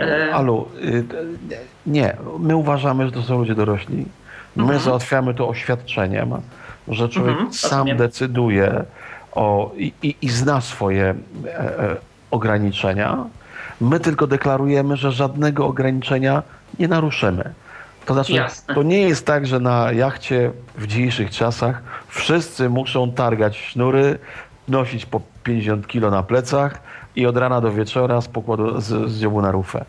Jest naprawdę dużo pracy różnej. Czasem jest to pomoc e, właśnie że tak powiem, psychiczna, czyli na przykład jest wachta kambuzowa, ktoś stoi za sterem, e, ta y, nawigacyjna, ktoś stoi za sterem, ale ktoś stoi na oku. W nocy stać na oku i wypatrywać światełek, to strasznie trudne zajęcie. I teraz, jeżeli taki niewidomy z tysiącem ograniczeń stanie koło niego, a stołeczek sobie przyniesie i mu po prostu umili ten czas, to jest genialna pomoc, prawda? Nie wymagająca w ogóle żadnego e, wysiłku. My uważamy, że to są ludzie znaczy, ja pamiętam czasy zaświadczeń i tak to była fikcja kompletna, e, zupełnie bez sensu. Chodziło się, szukało, który tam klepnie mi pieczątkę. E, natomiast e, rozwiązujemy to, tak jak mówiłem, oświadczeniem, że, mm, e, że osoba biorąca udział w rejsie bierze e, to jakby zaś odpowiedzialność, no, no, no, no w końcu. Jasne. E, to jeszcze jedno takie Natomiast pytanie jeżeli, ważkie. Jeżeli mogę, jeżeli mogę tak, jeszcze wtrącić, jest dosyć istotna, istotna rzecz, o której Roman nie powiedział, a tutaj ja o niej powiem. E, e, każdy z oficerów wachtowych, który przyjmuje swoją wachtę, czyli bierze pod opiekę mm, osoby, które mm, są w jego, w jego teamie, tak, przeprowadza delikatną zawsze rozmowę i ja o tym będę mówił, nie będę się tego wstydził ani krępował, tak? Oczywiście są osoby z różnego rodzaju schorzeniami, tak? Trafiają się również osoby, które są chore i są przewlekle chore i które zażywają na przykład lekarstwa, tak jak wcześniej wspomniałem, te, których na morzu nie kupimy, tak? Albo te receptowe szczególnie, mhm. które, które trzeba brać regularnie, tudzież kontrolować swój stan zdrowia. Więc my przeprowadzamy już na pokładzie taką deli, delikatną ankietę, tak? Kto mhm. na co choruje, kto jakie ma schorzenia. Chcemy być też na to przygotowani. Różnie w życiu, różnie, różnie w życiu bywa. Tak. Ważnym jest też dla tych, którzy jeszcze nigdy nie byli z nami na Zobaczyć Może, to informacja taka, że na pokładzie zawsze znajduje się osoba, która jest przeszkolona medycznie. O właśnie o to chciałam zapytać. Jest, jest, w, stanie, mhm. jest w stanie pomóc, pomóc w nagłych wypadkach. I to różnych wypadkach. Skaleczeń, e, różnego rodzaju innych schorzeń, ale zawsze na pokładzie mamy osobę, która będzie w stanie interweniować, gdyby coś nastąpiło. Tak, na, całe szczęście, na całe szczęście do tej pory nic się nie wydarzyło i na pewno nic się nie wydarzy, ale zabezpieczamy się w ten sposób również. Tak, chociaż uczymy ludzi tego, że y, to nie jest tak, że przyznanie się do czegokolwiek skreśli go z załogi. E, to u nas tak nie ma. Po prostu uczymy tej odpowiedzialności za siebie. Dla własnego że, i wspólnego że bezpieczeństwa. To ty wiesz, tak, tak jest, to ty wiesz, co ci potrzeba. To ty nas masz nauczyć, powiedzieć, słuchaj, jak mam niedocukrzenie, to wtedy to i to. Nas ładnie Gniady tego uczył, pięknie. E, a jakbym się źle poczuł, to tu mam tabletki takie i takie. E, po prostu odpowiedzialność. Odpowiedzialność. Każdy z nas za siebie odpowiada. I to nie jest zminimalizacja, to nie jest psychologia, to jest podjęcie tej odpowiedzialności. I tak mówię, nie grozi niczym przyznanie się do jakiegokolwiek e, sprzężonego czy, czy, czy własnych e, ograniczeń. Tak? Jasne. To jeszcze o jedną formę weryfikacji chciałam zapytać. E, chcę o to spytać pod kątem kompletowania konkretnych wacht. E, czy jest jakaś weryfikacja, jakby oczywiście nie na zasadzie jakichś, nie wiem, testów, czy, e, ale taka najbardziej ogólnie przyjęta pod kątem samodzielności lub tego, jakie umiejętności ludzie posiadają, żeby po prostu e, było tak, że w jednej wachcie będą osoby powiedzmy bardziej samodzielne i tam wszystko będzie funkcjonowało jak należy, a w innej osoby, które na przykład mają problemy nawet z tą podstawową samoobsługą i e, dla tej, że tak powiem, bardziej sprawnej, w pełni sprawnej części wachty e, będzie to e, obciążeniem jakimś ponad miarę, żeby uniknąć takich sytuacji. Czy pod tym kątem są jakoś wachty kompletowane, czy nie? Nie, zupełnie nie. Robert dostaje, dostaje wspólnie przez nas zebrany wykaz, tak? I teraz, ale to też jest tak. Jest taki system ukryty. My mamy kilka ukrytych systemów, e, ale one nie są mm, ukryte mm, e, przed, przed, e, z powodów, nie wiem, wstydliwych, one są ukryte, żeby wszystko dobrze działało. I tak, kiedy ludzie wchodzą na statek, to oczy Roberta są wszędzie. Oczy oficerów są wszędzie. Teoretycznie mamy zrobiony podział na wachty. Mhm. Y, on jest y, zwyczajowo, no Robert ma doświadczenie ogromne i biorąc pod uwagę to trzeba, trzeba wziąć parę rzeczy. liczbę kobiet, e, liczbę mężczyzn, wiek, e, pozestawiać to wszystko. To jest, to jest tutaj, podziwiam Roberta, bo on to, to ogarnia. I teraz patrzymy na to, jak ci ludzie pierwsze kroki. I jeżeli uważamy, że są drastyczne różnice, to nawet bez, bo ludziom to wszystko jedno, w której są wachcie. Prawda? Bo nie to stanowi, nie ma lepszych wacht czy, czy gorszych wacht. Są różne. Inna robota jest na dziobie, inna jest na rufie, a inna na y, śródpokładziu. Y, I gdyby takie naruszenie drastyczne się zdarzyło, to pewnie byśmy zareagowali. Chociaż też ci powiem, że e, to tak naprawdę nie ma znaczenia. To nie ma znaczenia, bo. Jasne, bo osoba na przykład bardzo sprawna może się na przykład okazać równie dobrze super leniwą i będzie Ale to dodatkowe obciążenie miała, dla. Wystarczy, że będzie miała chorobę morską. Mhm. I już po jabłkach. A ten, co to niby wydawał się gorszy, to on będzie swoje powoli robił i będzie zrobione. Nie wiem, Jasna Robert, sprawa. co ty o tym myślisz? Nie, e, całkowicie dobrze prawisz, Roman. No, tak jest. Ale znaczy, to, wiesz, to nigdy ale... nie są, mhm. to, że, że ktoś się gdzieś przypisał, e, to, to musi być, tak musi być. Mhm. E, często nam się zdarza, ponieważ mamy parę zasad i mówimy o tym też, na przykład jeżeli nam się zdarzają małżeństwa albo chłopak z dziewczyną, to my tym ludziom mówimy na dzień dobry. Nie będziecie razem w wachcie. Nie będziecie razem w wachcie. Dlaczego? Dlatego, że e, para w wachcie znika z wachty, a para między wachtami łączy dwie wachty, bo jedno do drugiego lezie jak ten, tak? Tak już Ale jest. jak Taka jest znika natura. z wachty? Przecież... Wiesz, jeżeli chłopak zajmuje się dziewczyną, to ja gubię dwie osoby. No dobra. E... Ja, mówię o czasie, ja mówię o czasie, kiedy e, na przykład w czasie wolnym, tak? To naturalne, naturalne jest, że jak będziesz miała wolne, to pójdziesz z mężem pogadać, tak? tak? Ale, ale jeżeli ten mąż będzie w innej wachcie, to koło męża są znajomi i koło ciebie są znajomi. I to się robi integracja wacht. Taka mimowolna, taka, jakby ci to powiedzieć, znaczy, wiesz, u widzących to jest jeszcze bardziej wyczuwalne, bo widzący chłopak z dziewczyną, jak jadą sobie, to oni na przykład jak się, wiesz, wchodzimy do portu, to bierze facet panienkę i idą na zakupy sobie, tak? A mhm. jeżeli, i, i jeżeli oni są w jednej wachcie, to ja mówię, to ja tracę dwie osoby z wachty. Ja nikogo nie mogę zatrzymać. Ja nie mam takiego narzędzia, żeby mi powiedzieć, stop, nie wyjdziesz. Mogę natomiast skorzystać z narzędzia naturalnego. Jeżeli ten ma jeżeli oni są między wachtami, to jedno weźmie kawałek wachty ze sobą i drugie kawałek drugiej wachty ze sobą. W związku z powyższym mam ciągle podskórną integrację między ludźmi. I o to chodzi. Jasne. To sobie teraz porozmawiamy troszeczkę o tym zakwaterowaniu i takiej e, codzienności e, na statku. Jak wygląda to miejsce, gdzie e, załoga śpi, jak wygląda to miejsce, gdzie załoga je, gdzie przygotowuje posiłki, e, jak wyglądają warunki sanitarne na statku. Gdybyście mogli, oczywiście y, nie tam metr po metrze, kawałek po kawałku, ale na tyle, żeby było to w miarę dobrze zobrazowane dla słuchaczy opowiedzieć. Panie Robercie.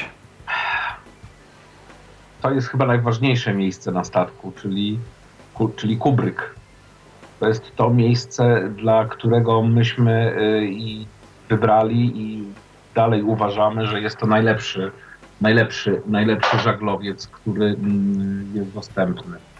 Kubryk jest to takie miejsce, mm, w którym y, uczestnicy, żeglarze, cztery wachty śpią, jedzą, wspólnie się bawią, wspólnie przeżywają, i są ze sobą cały czas. To są takie przedziały jak w pociągu, jak w kuszetkach, które są oddzielone kotarami. Są trzy poziomy.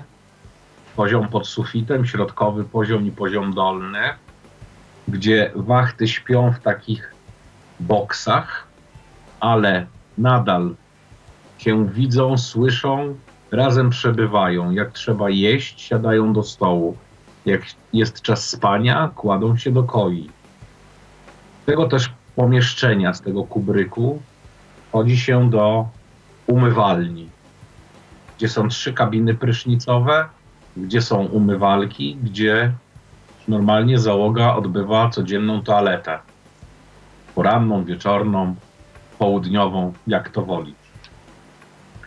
W tymże też pomieszczeniu na dole, bo to do tego pomieszczenia schodzi się po schodach w dół z pokładu głównego, e, znajdują się też cztery kajuty, cztery kaj, dwie, przepraszam, dwie kajuty czteroosobowe.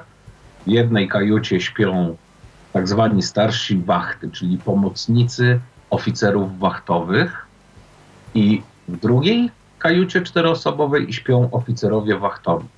Czyli ta podstawowa załoga żeglarska śpi wspólnie na jednym poziomie, w jednym pomieszczeniu, gdzie znajdują się koje z sypialniami, tak jak powiedziałem, zamykane kotarami, zasłonkami, znajdują się cztery stoły, przy których siadają wachty i spożywają również posiłki. Nie wiem, czy ja to dobrze zobrazowałem. Jasne, oczywiście, że tak. E, na pierwszy rzut oka można by powiedzieć, że warunki są spartańskie, ale nie jest to prawda. Warunki są y, pozwalające i dające możliwość przede wszystkim integracji, czyli to, co dla nas jest jedną z najważniejszych cech i najważniejszych zadań tego rejsu. Wyobraźmy sobie sytuację, gdzie mamy żaglowiec, gdzie są kajuty dwu czy trzyosobowe i po wachcie towarzystwo rozchodzi się po własnych kajutach i zamyka się w tych kajutach. I co się dzieje? Na statku jest cisza. Można się no, wyspać. Wiesz, jak jesteś zmęczona i położysz, przytulisz głowę do poduszki, nawet w tym kubryku, gdzie jest jeszcze 32 osoby poza tobą, to i tak uśniesz. No, to jest taki właśnie układ, że on ale, to jest... Mm, mhm. Ale ale ten kubryk, ten kubryk ma tą magię w sobie, której nie ma żaden inny żaglowiec. Alu, jest y, kilka powodów, bo raz magia. Dotknąłem jej nie raz i, i, i tak. Ale też pamiętaj o tym, poniekąd są to sprawy bezpieczeństwa.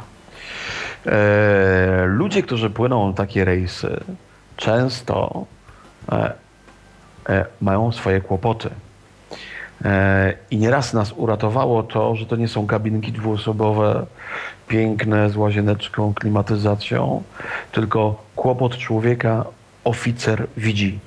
Oficer to wojskowe określenie, ale tak naprawdę jest opiekun. E, I może pomóc. I widać, kto wychodzi na wachtę, kto nie wychodzi. I nie chodzi o to, żeby go rozliczać z tego, tylko żeby zainteresować się, a może ma kłopot, a może się boi, a może po ludzku nie umie się do tego przyznać, a może trzeba usiąść z nim pogadać. Mieliśmy parę takich przygód, e, że, że ten kubryk i ta wieloosobowość w jednym miejscu naprawdę pomogły. Ludzie gadają między sobą, niewidomi od siebie się uczą wielu rzeczy, bo się wydaje, jak to z tym komputerem, no tak podobno, a tutaj się w, w, tam na koi obok leży, śpi ten Bartek, to ja go zapytam, jak on... No i, no i, no i pogadamy i zaczyna się interakcja. Zaczynają się fajne rzeczy między ludźmi. E, natomiast technicznie, alu, to tylko 10 dni. To się naprawdę da. I nikt nikomu krzywdy nie zrobił, nikt nikogo nie podgląda, nikt nikomu do łóżka nie wchodzi, no, chyba, że ktoś bardzo chce. A to, to, to się musi na, na wyginać, ale nie jest to, znaczy, to nie jest e, takie odludzczone. To jest z zachowaniem e, pewnych, e, e, e no, jakby to powiedzieć, tych, tych podstawowych zasad spokoju i komfortu. Można zawsze przebrać się w łazience, można zawsze przebrać się pod, pod kołdrą, pod, za zasłonką, która tam też jest. E, no, można zapytać koleżankę widzącą, jak ona to robi, bo też jakoś robi. E, można się tego nauczyć, gadając z ludźmi. Jasne. E, ja nie, mm, nie pytam o to w kontekście takim, żebym miała przypuszczenie, że ktoś e, celowo narusza czyjąś intymność. Po prostu trudne jest dla mnie do wyobrażenia sobie takiej sytuacji, w której e, ja przebywam 24 na dobę w towarzystwie e, 30 czy tam 40 osób. Nie, nie, ale wiesz co, to nie tak jest. To jest, to jest każdy ma tam swoją robotę. A ci są na nawigacyjnej, ci są w kambuzie, ktoś poszedł na dziób, ktoś poszedł na rufę. E, tam nie ma tłoku. To Jasne. nie jest tak, że tam nie mhm. wiadomo. Sama możesz pójść na dziób, sama możesz pójść na rufę. Jest mnóstwo miejsc, w których można się po naszemu schować. Nawet mamy więcej niż widząc, e, bo nam wystarczy tylko, żeby może. Wiesz, jak fajnie jest na Bukszprycie?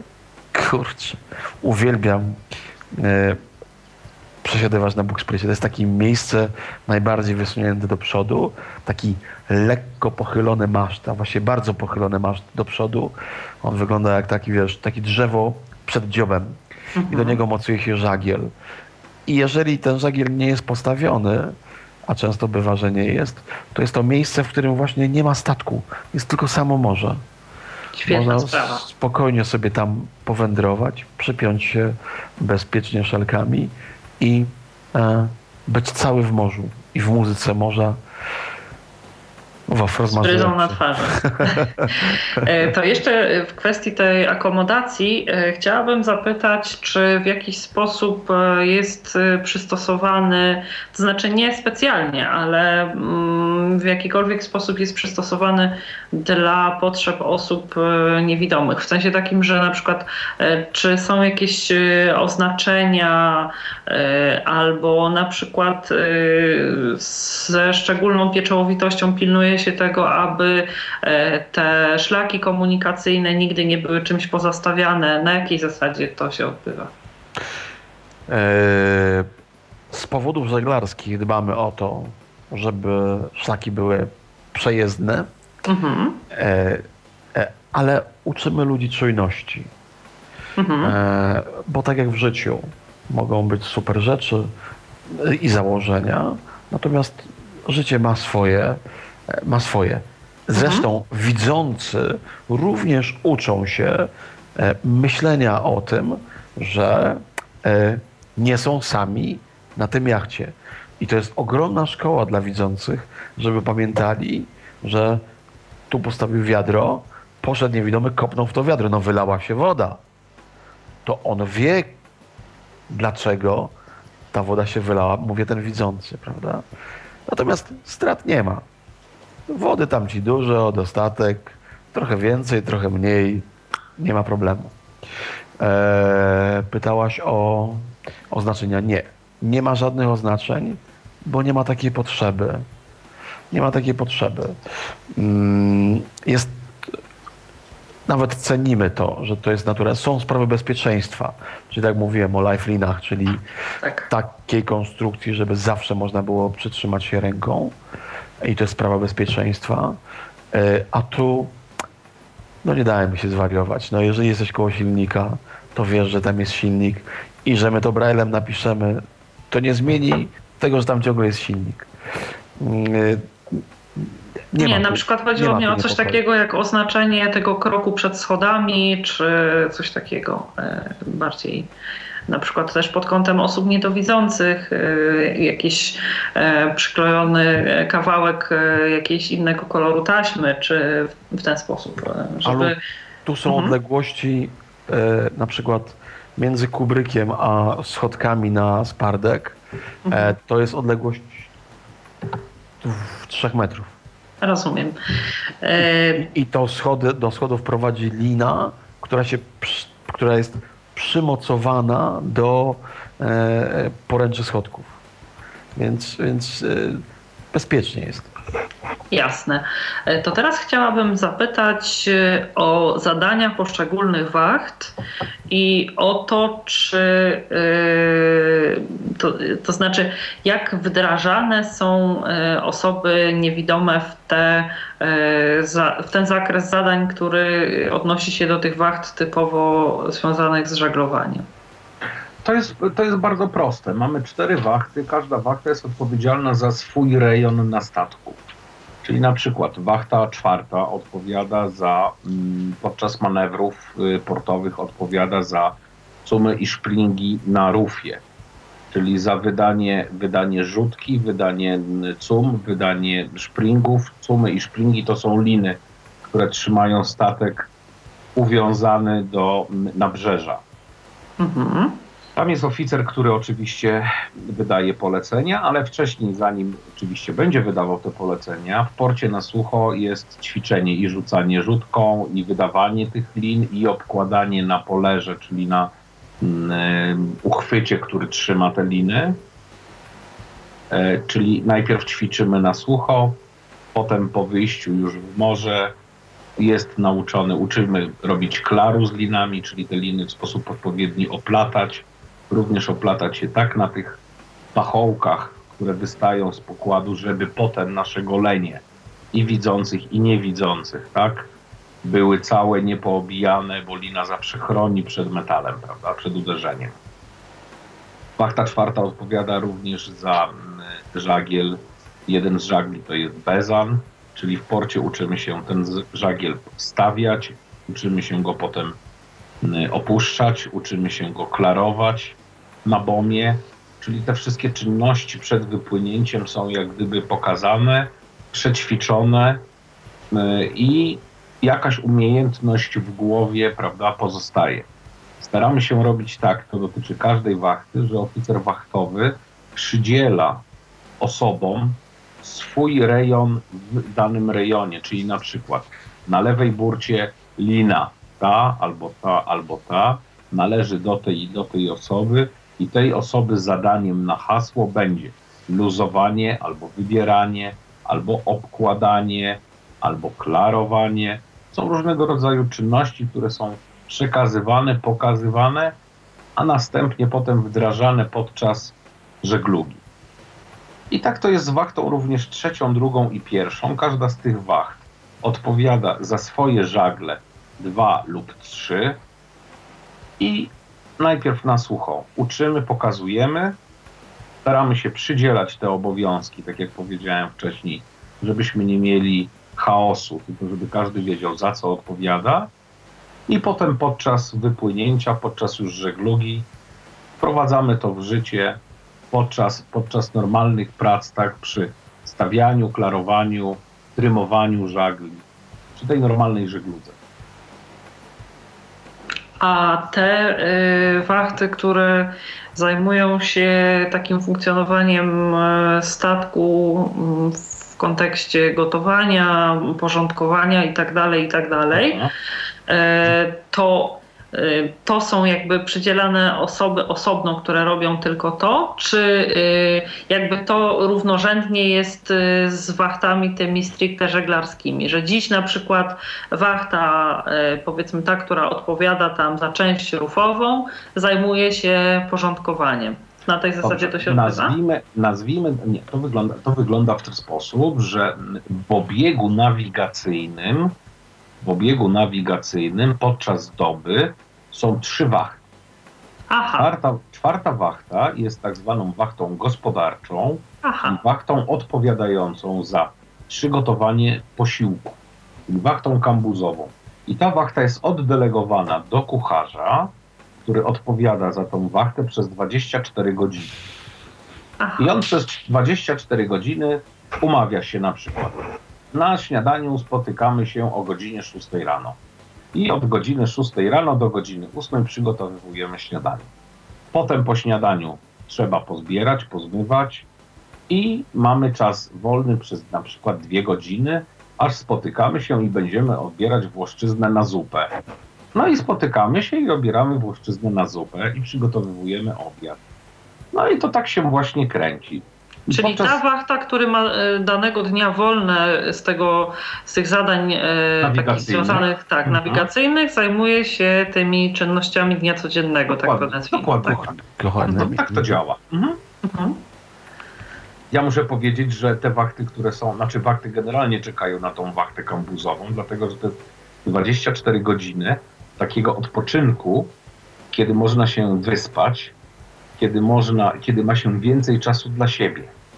Praca być może jest taka bardziej tak, tak kuchenna, tak jak to powiedział wcześniej. Przyziemna. Przyziemna, tak, przyziemna, ale, ale jednak bardzo odpowiedzialna, bo, No bo, trzeba, i, trzeba smacznie nagotować i dużo, żeby nakarmić załogę. bo to trzeba szybciutko policzyć, Alu, że zos- zostaje, zdają trzy wachty. Każda wachta swoją służbę ma 4 godziny.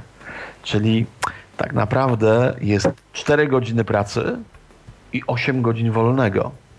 Tylko 8 godzin wolnego. Tak? Czyli zaczynam pracować, wachta na przykład pierwsza jest 8 rano, kończę o 12. O 4 jest trzecia, e, kolejna. O 20 e, Dobrze liczysz, dobrze. o 20 jest następna, o, o 12 w nocy wchodzę, tak? Schodzę o 4 rano, idę spać jak każdy, a tu właściwie y, o 8 już się budzą, no bo oni, Bo jest śniadanie. bo jest śniadanie, tak?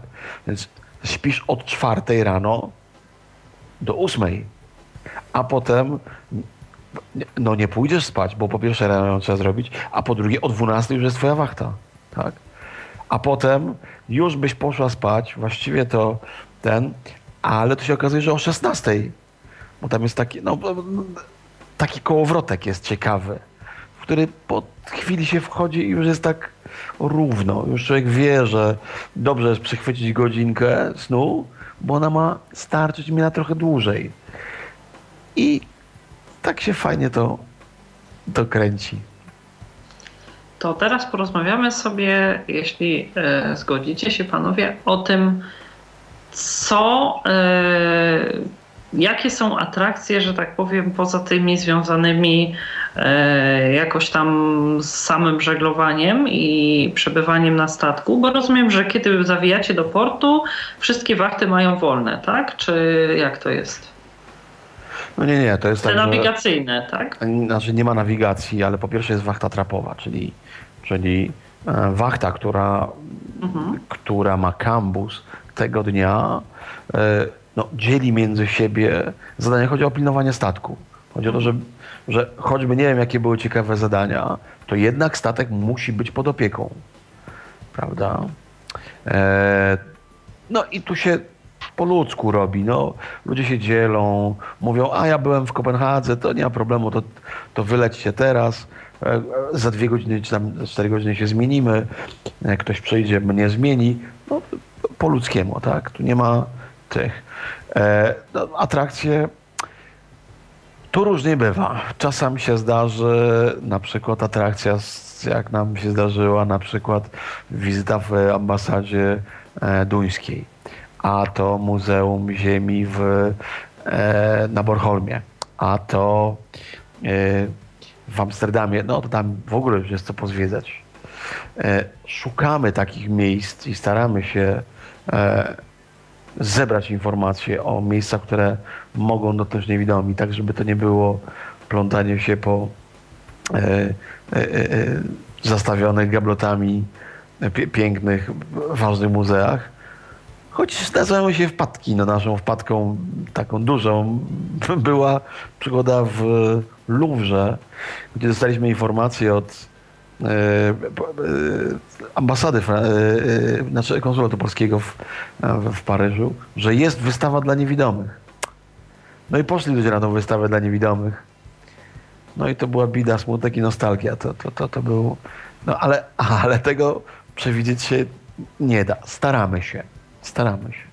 Jasne, to, to są atrakcje takie typowo turystyczne, a jest możliwość, e, nie wiem, takiego zwykłego pochodzenia, sobie zrobienia jakichś zakupów, czy e, tutaj e, jako osoba niewidoma mamy możliwość skorzystania z pomocy też tych osób, które jakoś tam wspierają nas swoją pomocą na statku. Tak jak mówiłeś, nie chodzi mi o to, żeby kogoś na siłę do tych osób niewidomych przywiązywać, natomiast czy jest możliwość właśnie, wy jakoś staracie się to zorganizować właśnie w taki ludzki sposób, że to znaczy, ktoś tam podejdzie. Się, mhm. mhm. My staramy się tylko pilnować, żeby nie było. E, znaczy, są odruchy ludzi widzących. Ja je znam, e, ja mogę się na nie krzywić, ale one są. Tak samo jak są odruchy ludzi niewidomych. I mhm. odruchem ludzi widzących jest wio na miasto, a odruchem ludzi niewidomych jest wio do kubryku, przeczekamy.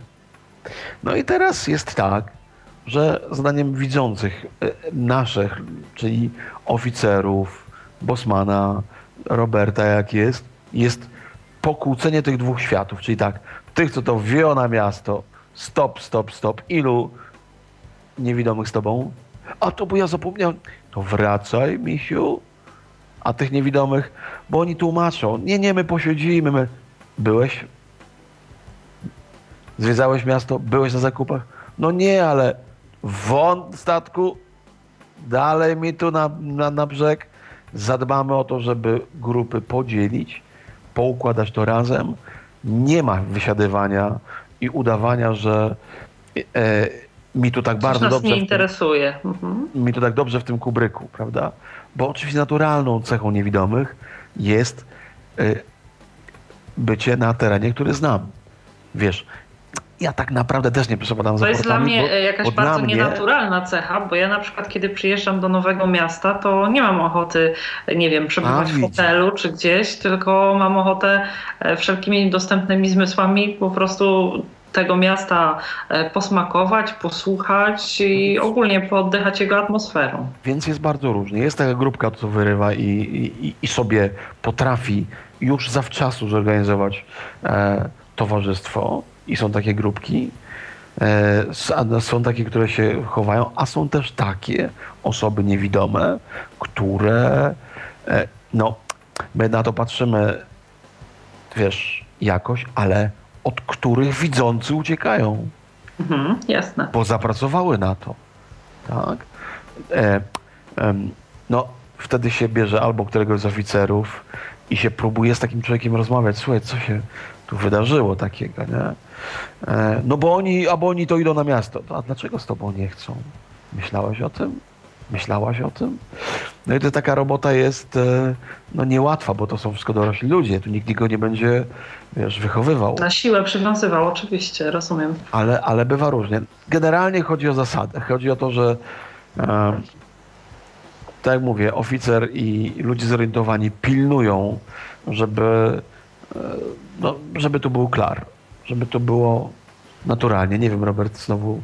Czy... To jest, to jest, znaczy, wiesz, Roman, no, wydaje mi się, że to jest całkowicie normalne, normalne zjawisko i tutaj jak to w życiu, tak? Y, mm, Ja jestem, ja jestem zadowolony, bo jest kilka takich przykładów, że wręcz aż przychodzą osoby i mówią przemień, e, załatw mi, załatw mi widzącego, bo ja chcę iść na miasto. I to mnie bardzo cieszy, bo jak, się, bo jak się zaczyna w ten sposób rozmowa, to znaczy się, że już się zaczyna budować atmosfera do To tego, dobrze, tak. żeby zbudowała się grupa do tego, żeby ta grupa wyszła wspólnie i razem. I o tym, na, tym, na tym polega cały dowcip, żebyśmy, żebyśmy robili, żebyśmy wychodzili, żebyśmy robili to wspólnie i razem. E, natomiast, no, tak jak Roman mówi, to są całkowicie mm, rzeczy ludzkie i one są w każdych środowiskach. Y, Nad tym niestety trzeba panować, albo stety trzeba panować, bo jak to w grupie, zawsze powinien być przywódca, który będzie jednak tą grupą w jakiś sposób dowodził. No i tutaj my staramy się w jakiś sposób to jednak kontrolować i animować, tak, żeby wszyscy byli zadowoleni, bo, no bo na tym też polega cały dowcip, że, że musimy być wszyscy zadowoleni z tego rejsu, prawda? Ale przyznam, że to jest najtrudniejsza część, bo właśnie wiecie, co się stało? Wyłączyli wiatr, wodę i łódkę. Wyłączyli i teraz podlegamy e, Z powrotem ziemskim prawom. bardzo różnym presjom, bo Mhm. ci właśnie chcą do sklepu, a ci nie mają pieniędzy, a ci chcą e, do, do muzeum, a ci mają w nosie muzea, bo oni by poszli do sklepu. I zaczynają się rozbieżności interesów i to pogodzenie tego nie jest łatwe. Staramy się to, e, natomiast no, no, idiotą bym był, gdybym powiedział tak, wiemy, rozumiemy, zawsze nam wychodzi. Nie, natomiast zawsze, Nie, zawsze nam nie wychodzi, ale staramy się, tak jest. Tak, wiemy o tym, pamiętamy o tym i zawsze mamy to na oku. E, jak nam nie wyjdzie, to tylko znaczy, że no, no, no, no, no, że nam nie wyszło, a nie, że, mm, Że nie, nigdy nie wychodzi. nie staraliśmy się czy tam coś. Mhm. Jasna sprawa. Nie, ale makabry nie ma, to nie jest tak, że Nie, ja Tylko- pytam, y, ogólnie pytałam w kontekście właśnie jak to Czy wygląda makabra- tylko makabra? organizacyjnie, nie mm, z takiego ludzkiego, bo y, ja przecież y, też chodzę po tym świecie nie od dziś i najlepiej na własnym przykładzie zdaję sobie sprawę z tego, że ludzie mają rozwinięte zdolności interpersonalne i przymuszanie kogoś do czegokolwiek e, nie ma sensu. Chodziło mi bardziej o to, jak od strony organizacyjnej to wygląda, więc... Tak, chociaż powiem Ci jeszcze, że mamy pewien e, instrument nacisku, głównie na widzących, bo w ramach oświadczenia, które podpisują zawsze przy zapisywaniu się na ten rejs, oni piszą, że oni się zgadzają na e, e, no po prostu kupują tanio rejs.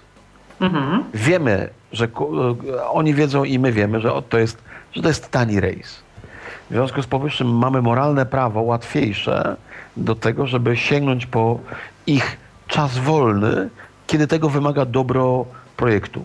Mhm. Czyli Rozumiem. ludzie, którzy tak, to nie jest zwykły rejs, że właśnie kupiłem sobie, zapłaciłem, to se pójdę, Płynę. kiedy będę chciał, tak? I mam ochotę, to idę na miacho, bo tak. Nie, tu może się zdarzyć, że stary, tak, ale nie teraz. Pójdziesz na przykład za trzy godziny, a teraz masz tu grupkę, bo e, zebrało się czterech niewidomych, a mamy trzech czy dwóch widzących i potrzebujemy po prostu pomocy. Potem, proszę bardzo, to są takie, mm, z takich narzędzi korzystamy. Jasne. Y, To jeszcze powiedzcie, co się robi y, w porcie na statku? Y, Wieczory szantowe, jakieś załoga ta, która ma większy jakby ten zasób doświadczeń żeglarskich, dzieli się jakimiś ciekawymi opowieściami z morza, czy tego typu atrakcje również y, są przewidziane, bo rozumiem, że wtedy jest na to czas, tak? Nie ma tych To są, tego kołowrotu, te, tych No tak. prac takich ciągłych i troszeczkę jakby to tempo zwalnia, tak? To są tak zwane uciechy portowe, my to tak Aha. nazywamy. E, wiesz co, Alu, różnie, bardzo różnie. Oczywiście, oczywiście często, gęsto kończy się to, y, tak jak to opowiedziałaś, wieczorami szantowymi, to może zbyt, zbyt dużo słowo, tak? Ale wieczorami z gitarą i muzyką. Em, nie ma obowiązku śpiewania szant. To nie jest tak, że nie wolno. Ale im. fajnie, no gdzie śpiewać szanty, lubi. jeśli nie na morzu i nie na statku, tak? A jeden lubi, a drugi nie, a, a trzeci nie umie. Nie ma znaczenia. Ale wiesz, ale zdarzają się też, zdarzają się też ym, załoganci, którzy przyjeżdżają ze skrzypcami, z harmoniami, z różnego rodzaju innymi instrumentami. Tworzą się, zaczyna się tworzyć na przykład kabaret statkowy, Yy, zaczynają się tworzyć piosenki yy, statkowe, które powstają zwrotka po zwrotce praktycznie i buduje się z tego jakiś taki wielki, wielki ciąg, serial, serial śpiewany. Yy, staramy się również, kilka razy nam się to udało zrobić kino pod gwiazdami, czyli puścić film z audiodeskrypcją. Pokazujemy ludziom, ludziom, że takie rzeczy są i działają prawda? Tak jak właśnie audio, audiodeskrypcja. Mhm. Więc wiesz, staramy się, nie staramy się tutaj być jakimiś wielkimi animatorami, dlatego że to te uciechy portowe z reguły one się samoistnie, samoistnie rodzą. Inicjują, tak? Tak, i tutaj wiesz, inwencja, inwencja załogi jest tak duża, że y, tutaj nasze pole do popisu jest naprawdę niewielkie, aczkolwiek staramy się, staramy się, żeby to jakoś wyglądało.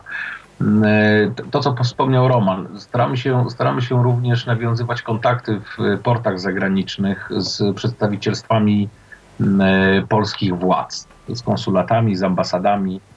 Bywaliśmy i na salonach w Danii, bywaliśmy i na salonach w Szwecji, więc nie jest nam to też obce. E, tak, zapraszanie również władz. władz Ale mieliśmy też w zeszłym roku całkiem fajną przygodę w Antwerpii właśnie, o której Jakub mówił, e, spotkanie z europosłami, też bardzo ciekawa przygoda. Także tego, tego sporo jest. No i jeszcze są takie rzeczy, takie, takie naturalne. Potrzeba porozmawiania właśnie z oficerem, z kapitanem. Kapitan przychodzi, swoje opowieści snuje, a tam ktoś właśnie y, to sobie żyje.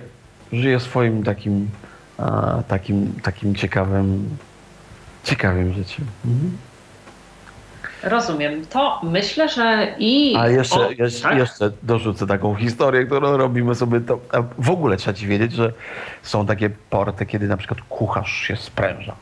No, bo na przykład wie, że wchodzimy do portu, to wtedy jest na przykład e, ekstra danie.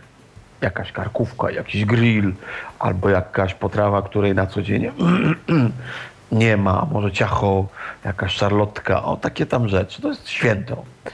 E, e, e, I jeszcze chciałem powiedzieć o matko Mitko uleciało. Mm. E, kucharz i to. E, mieliśmy kucharza, który w ramach uciech portowych zaproponował strzelanie z armaty. tak. Też była taka przygoda. I było strzelanie. I było, I było strzelanie z armaty, tak. tak. No, no. Ja jak się tak zastanawiam, to za cenę tego spania to chyba codziennie mogłabym mieć tą wachtę w kuchni. za cenę spania w nocy. Bo lubię i spać, i gotować, więc dla mnie byłby to układ idealny. E, to w takim razie, jeśli się już dowiedzieliśmy, e, jak rejsy są organizowane, jak przebiegane, jak zakwaterowani są e, uczestnicy, jak wygląda dowóz i powrót do miejsca okrętowania, chciałabym na sam koniec poprosić Was o mm, przedstawienie dokładnych adresów i kontaktów, pod którymi osoby potencjalnie zainteresowane udziałem w rejsach miałyby możliwość zasięgnięcia bardziej szczegółowych informacji albo po prostu e, zgłoszenia się do rejestracji. E, chciałabym też, abyście podali terminy takie, które są ostateczne do, do zgłoszenia się, żeby nie było później tak, że ktoś się zgłosił i zwyczajnie nie wiedział, że ten termin już po prostu upłynął. Słuchajcie, znaczy, mili Państwo, ja może zacznę od tego jeżeli ktokolwiek jest zainteresowany tym, aby popłynąć z nami w tym roku, to mm, czasu jest już niewiele na decyzję tak naprawdę, bo mm, mamy początek maja za tydzień. E, a startujemy w lipcu, więc decyzje muszą być szybkie. E, ja i Roman zawsze służymy, e, służymy swoimi osobami, jeżeli chodzi o rozmowę, jeżeli ktoś ma jakieś wątpliwości, jeżeli ktoś chciałby się coś dopytać zawsze można do nas zadzwonić. E, telefony znajdziecie do nas na naszej stronie internetowej www.zobaczyćmorze.pl. Mm, tam jest adres mailowy i numer telefonu do Romana, jest również adres mailowy i numer telefonu do mnie. Możecie również pisać na adres mailowy, który czyta Roman i ja, to jest info małpa zobaczyć może.pl. Staramy się odpowiadać natychmiast i staramy się również rozmawiać wtedy, kiedy możemy. Nawet jeżeli jesteśmy w pracy, to staramy się. Więc dzwońcie, dzwońcie Państwo i z nami rozmawiajcie. E, my serdecznie zapraszamy. My serdecznie zapraszamy, bo ta przygoda jest naprawdę warta przeżycia. Nie tylko i wyłącznie dla Was, ale również, również i dla nas, dla widzących. To jest wielka przygoda i jest to wielka frajda. I te rejsy mają być właśnie taką wielką przygodą i wielką frajdą. Mają być pamiątką i pamięcią na tak naprawdę całe życie. Więc nie wiem, co ja mogę jeszcze więcej powiedzieć. Czekamy. To ja, to ja jeszcze dodam od siebie, że to jest tak, że e, u nas obowiązują zasady mm, ludzkie. Staramy się być po prostu po prostu mm, elastyczni. Blisko, blisko tych, którzy z nami pływają. Stąd te wszystkie obawy, ktoś ma obawę, no jak ja dojadę do Gdyni? Chłopie, napisz, że masz taki kłopot, okaże się pięciu ludzi z twojego miasta jedzie do Gdyni. Albo możemy, różne formy pomocy są e, przewidywane. Nie chcę mówić o, o, o, każdej, bo nie chciałbym, żeby ktoś mi powiedział, bo, bo ty przecież powiedziałeś, tak? To nie, nie w tym rzecz. Natomiast, tak jak powiedziałem w jakimś momencie, nikt za nikogo chciał nie będzie. Jeżeli chcesz, to wszystkie przeciwności pomożemy ci e, pozmniejszać, tak że w ogóle, w ogóle ich nie będzie. Najważniejsze, żebyś chciał, chciała. To najważniejsze. A y, zyski z tego, zwłaszcza dla niewidomych, są naprawdę e, duże i na długo zostają. Bo tak jak mówiliśmy o tym sterowaniu, stanąć w nocy za sterem tak dużego żaglowca i powiedzieć sobie, kurde, to ja. Nie Kazik, nie Kaśka, ja. Nie? E, to potem się okazuje, że te, te rzeczy w domu, na ulicy, to są, to są drobiazgi. I, I to ma sens. I to ma sens. Jak Robert zapraszam i potwierdzam, e, pogadać można z nami na tysiące sposobów. E, deklarujemy pomoc w rozwiązaniu przeróżnych historii, e, tych związanych z rejsem i z uczestnictwem w, w, w, w projekcie. Mm, no i pozostaje podziękować Ali za zaproszenie nas do tak miłej przygody, jaką była e, gawędka tutaj z Alą e, i, i ze słuchaczami. E, jeszcze Michałowi za poświęcony czas i czujność. No i do zobaczenia na morzu. Tak jest, a ja jeszcze chciałem powiedzieć, że to było bardzo ciekawe doświadczenie. No właśnie, bo Robert jest w tej sytuacji, że on przyzwyczajony jest do patrzenia na rozmówcę. Ty o tym mówisz, czy ja. Co? O, chyba Robert przepadł nam w czeluściach internetu. Halo, halo. Halo, Robercie. Robert, Robert. Ojej, ojej. Tak nam chciał coś powiedzieć? Może się jeszcze, nim się pożegnamy o TSW, ja też korzystając z, z okazji, ze sposobności, bardzo serdecznie dziękuję e, Romanie i Tobie i Robertowi e, za to, że przyjęliście zaproszenie do Babiego Lata. E, część mojej ciekawości została zaspokojona, część mam nadzieję uda mi się zaspokoić, kiedy to na rejsie, na rejsie, na rejsie. zdecyduję tak właśnie wziąć udział w rejsie. Państwu dziękuję również za uwagę. Mam Mam nadzieję, że y, część spośród Państwa poczuła się zachęcona do uczestnictwa w projekcie Zobaczyć Może.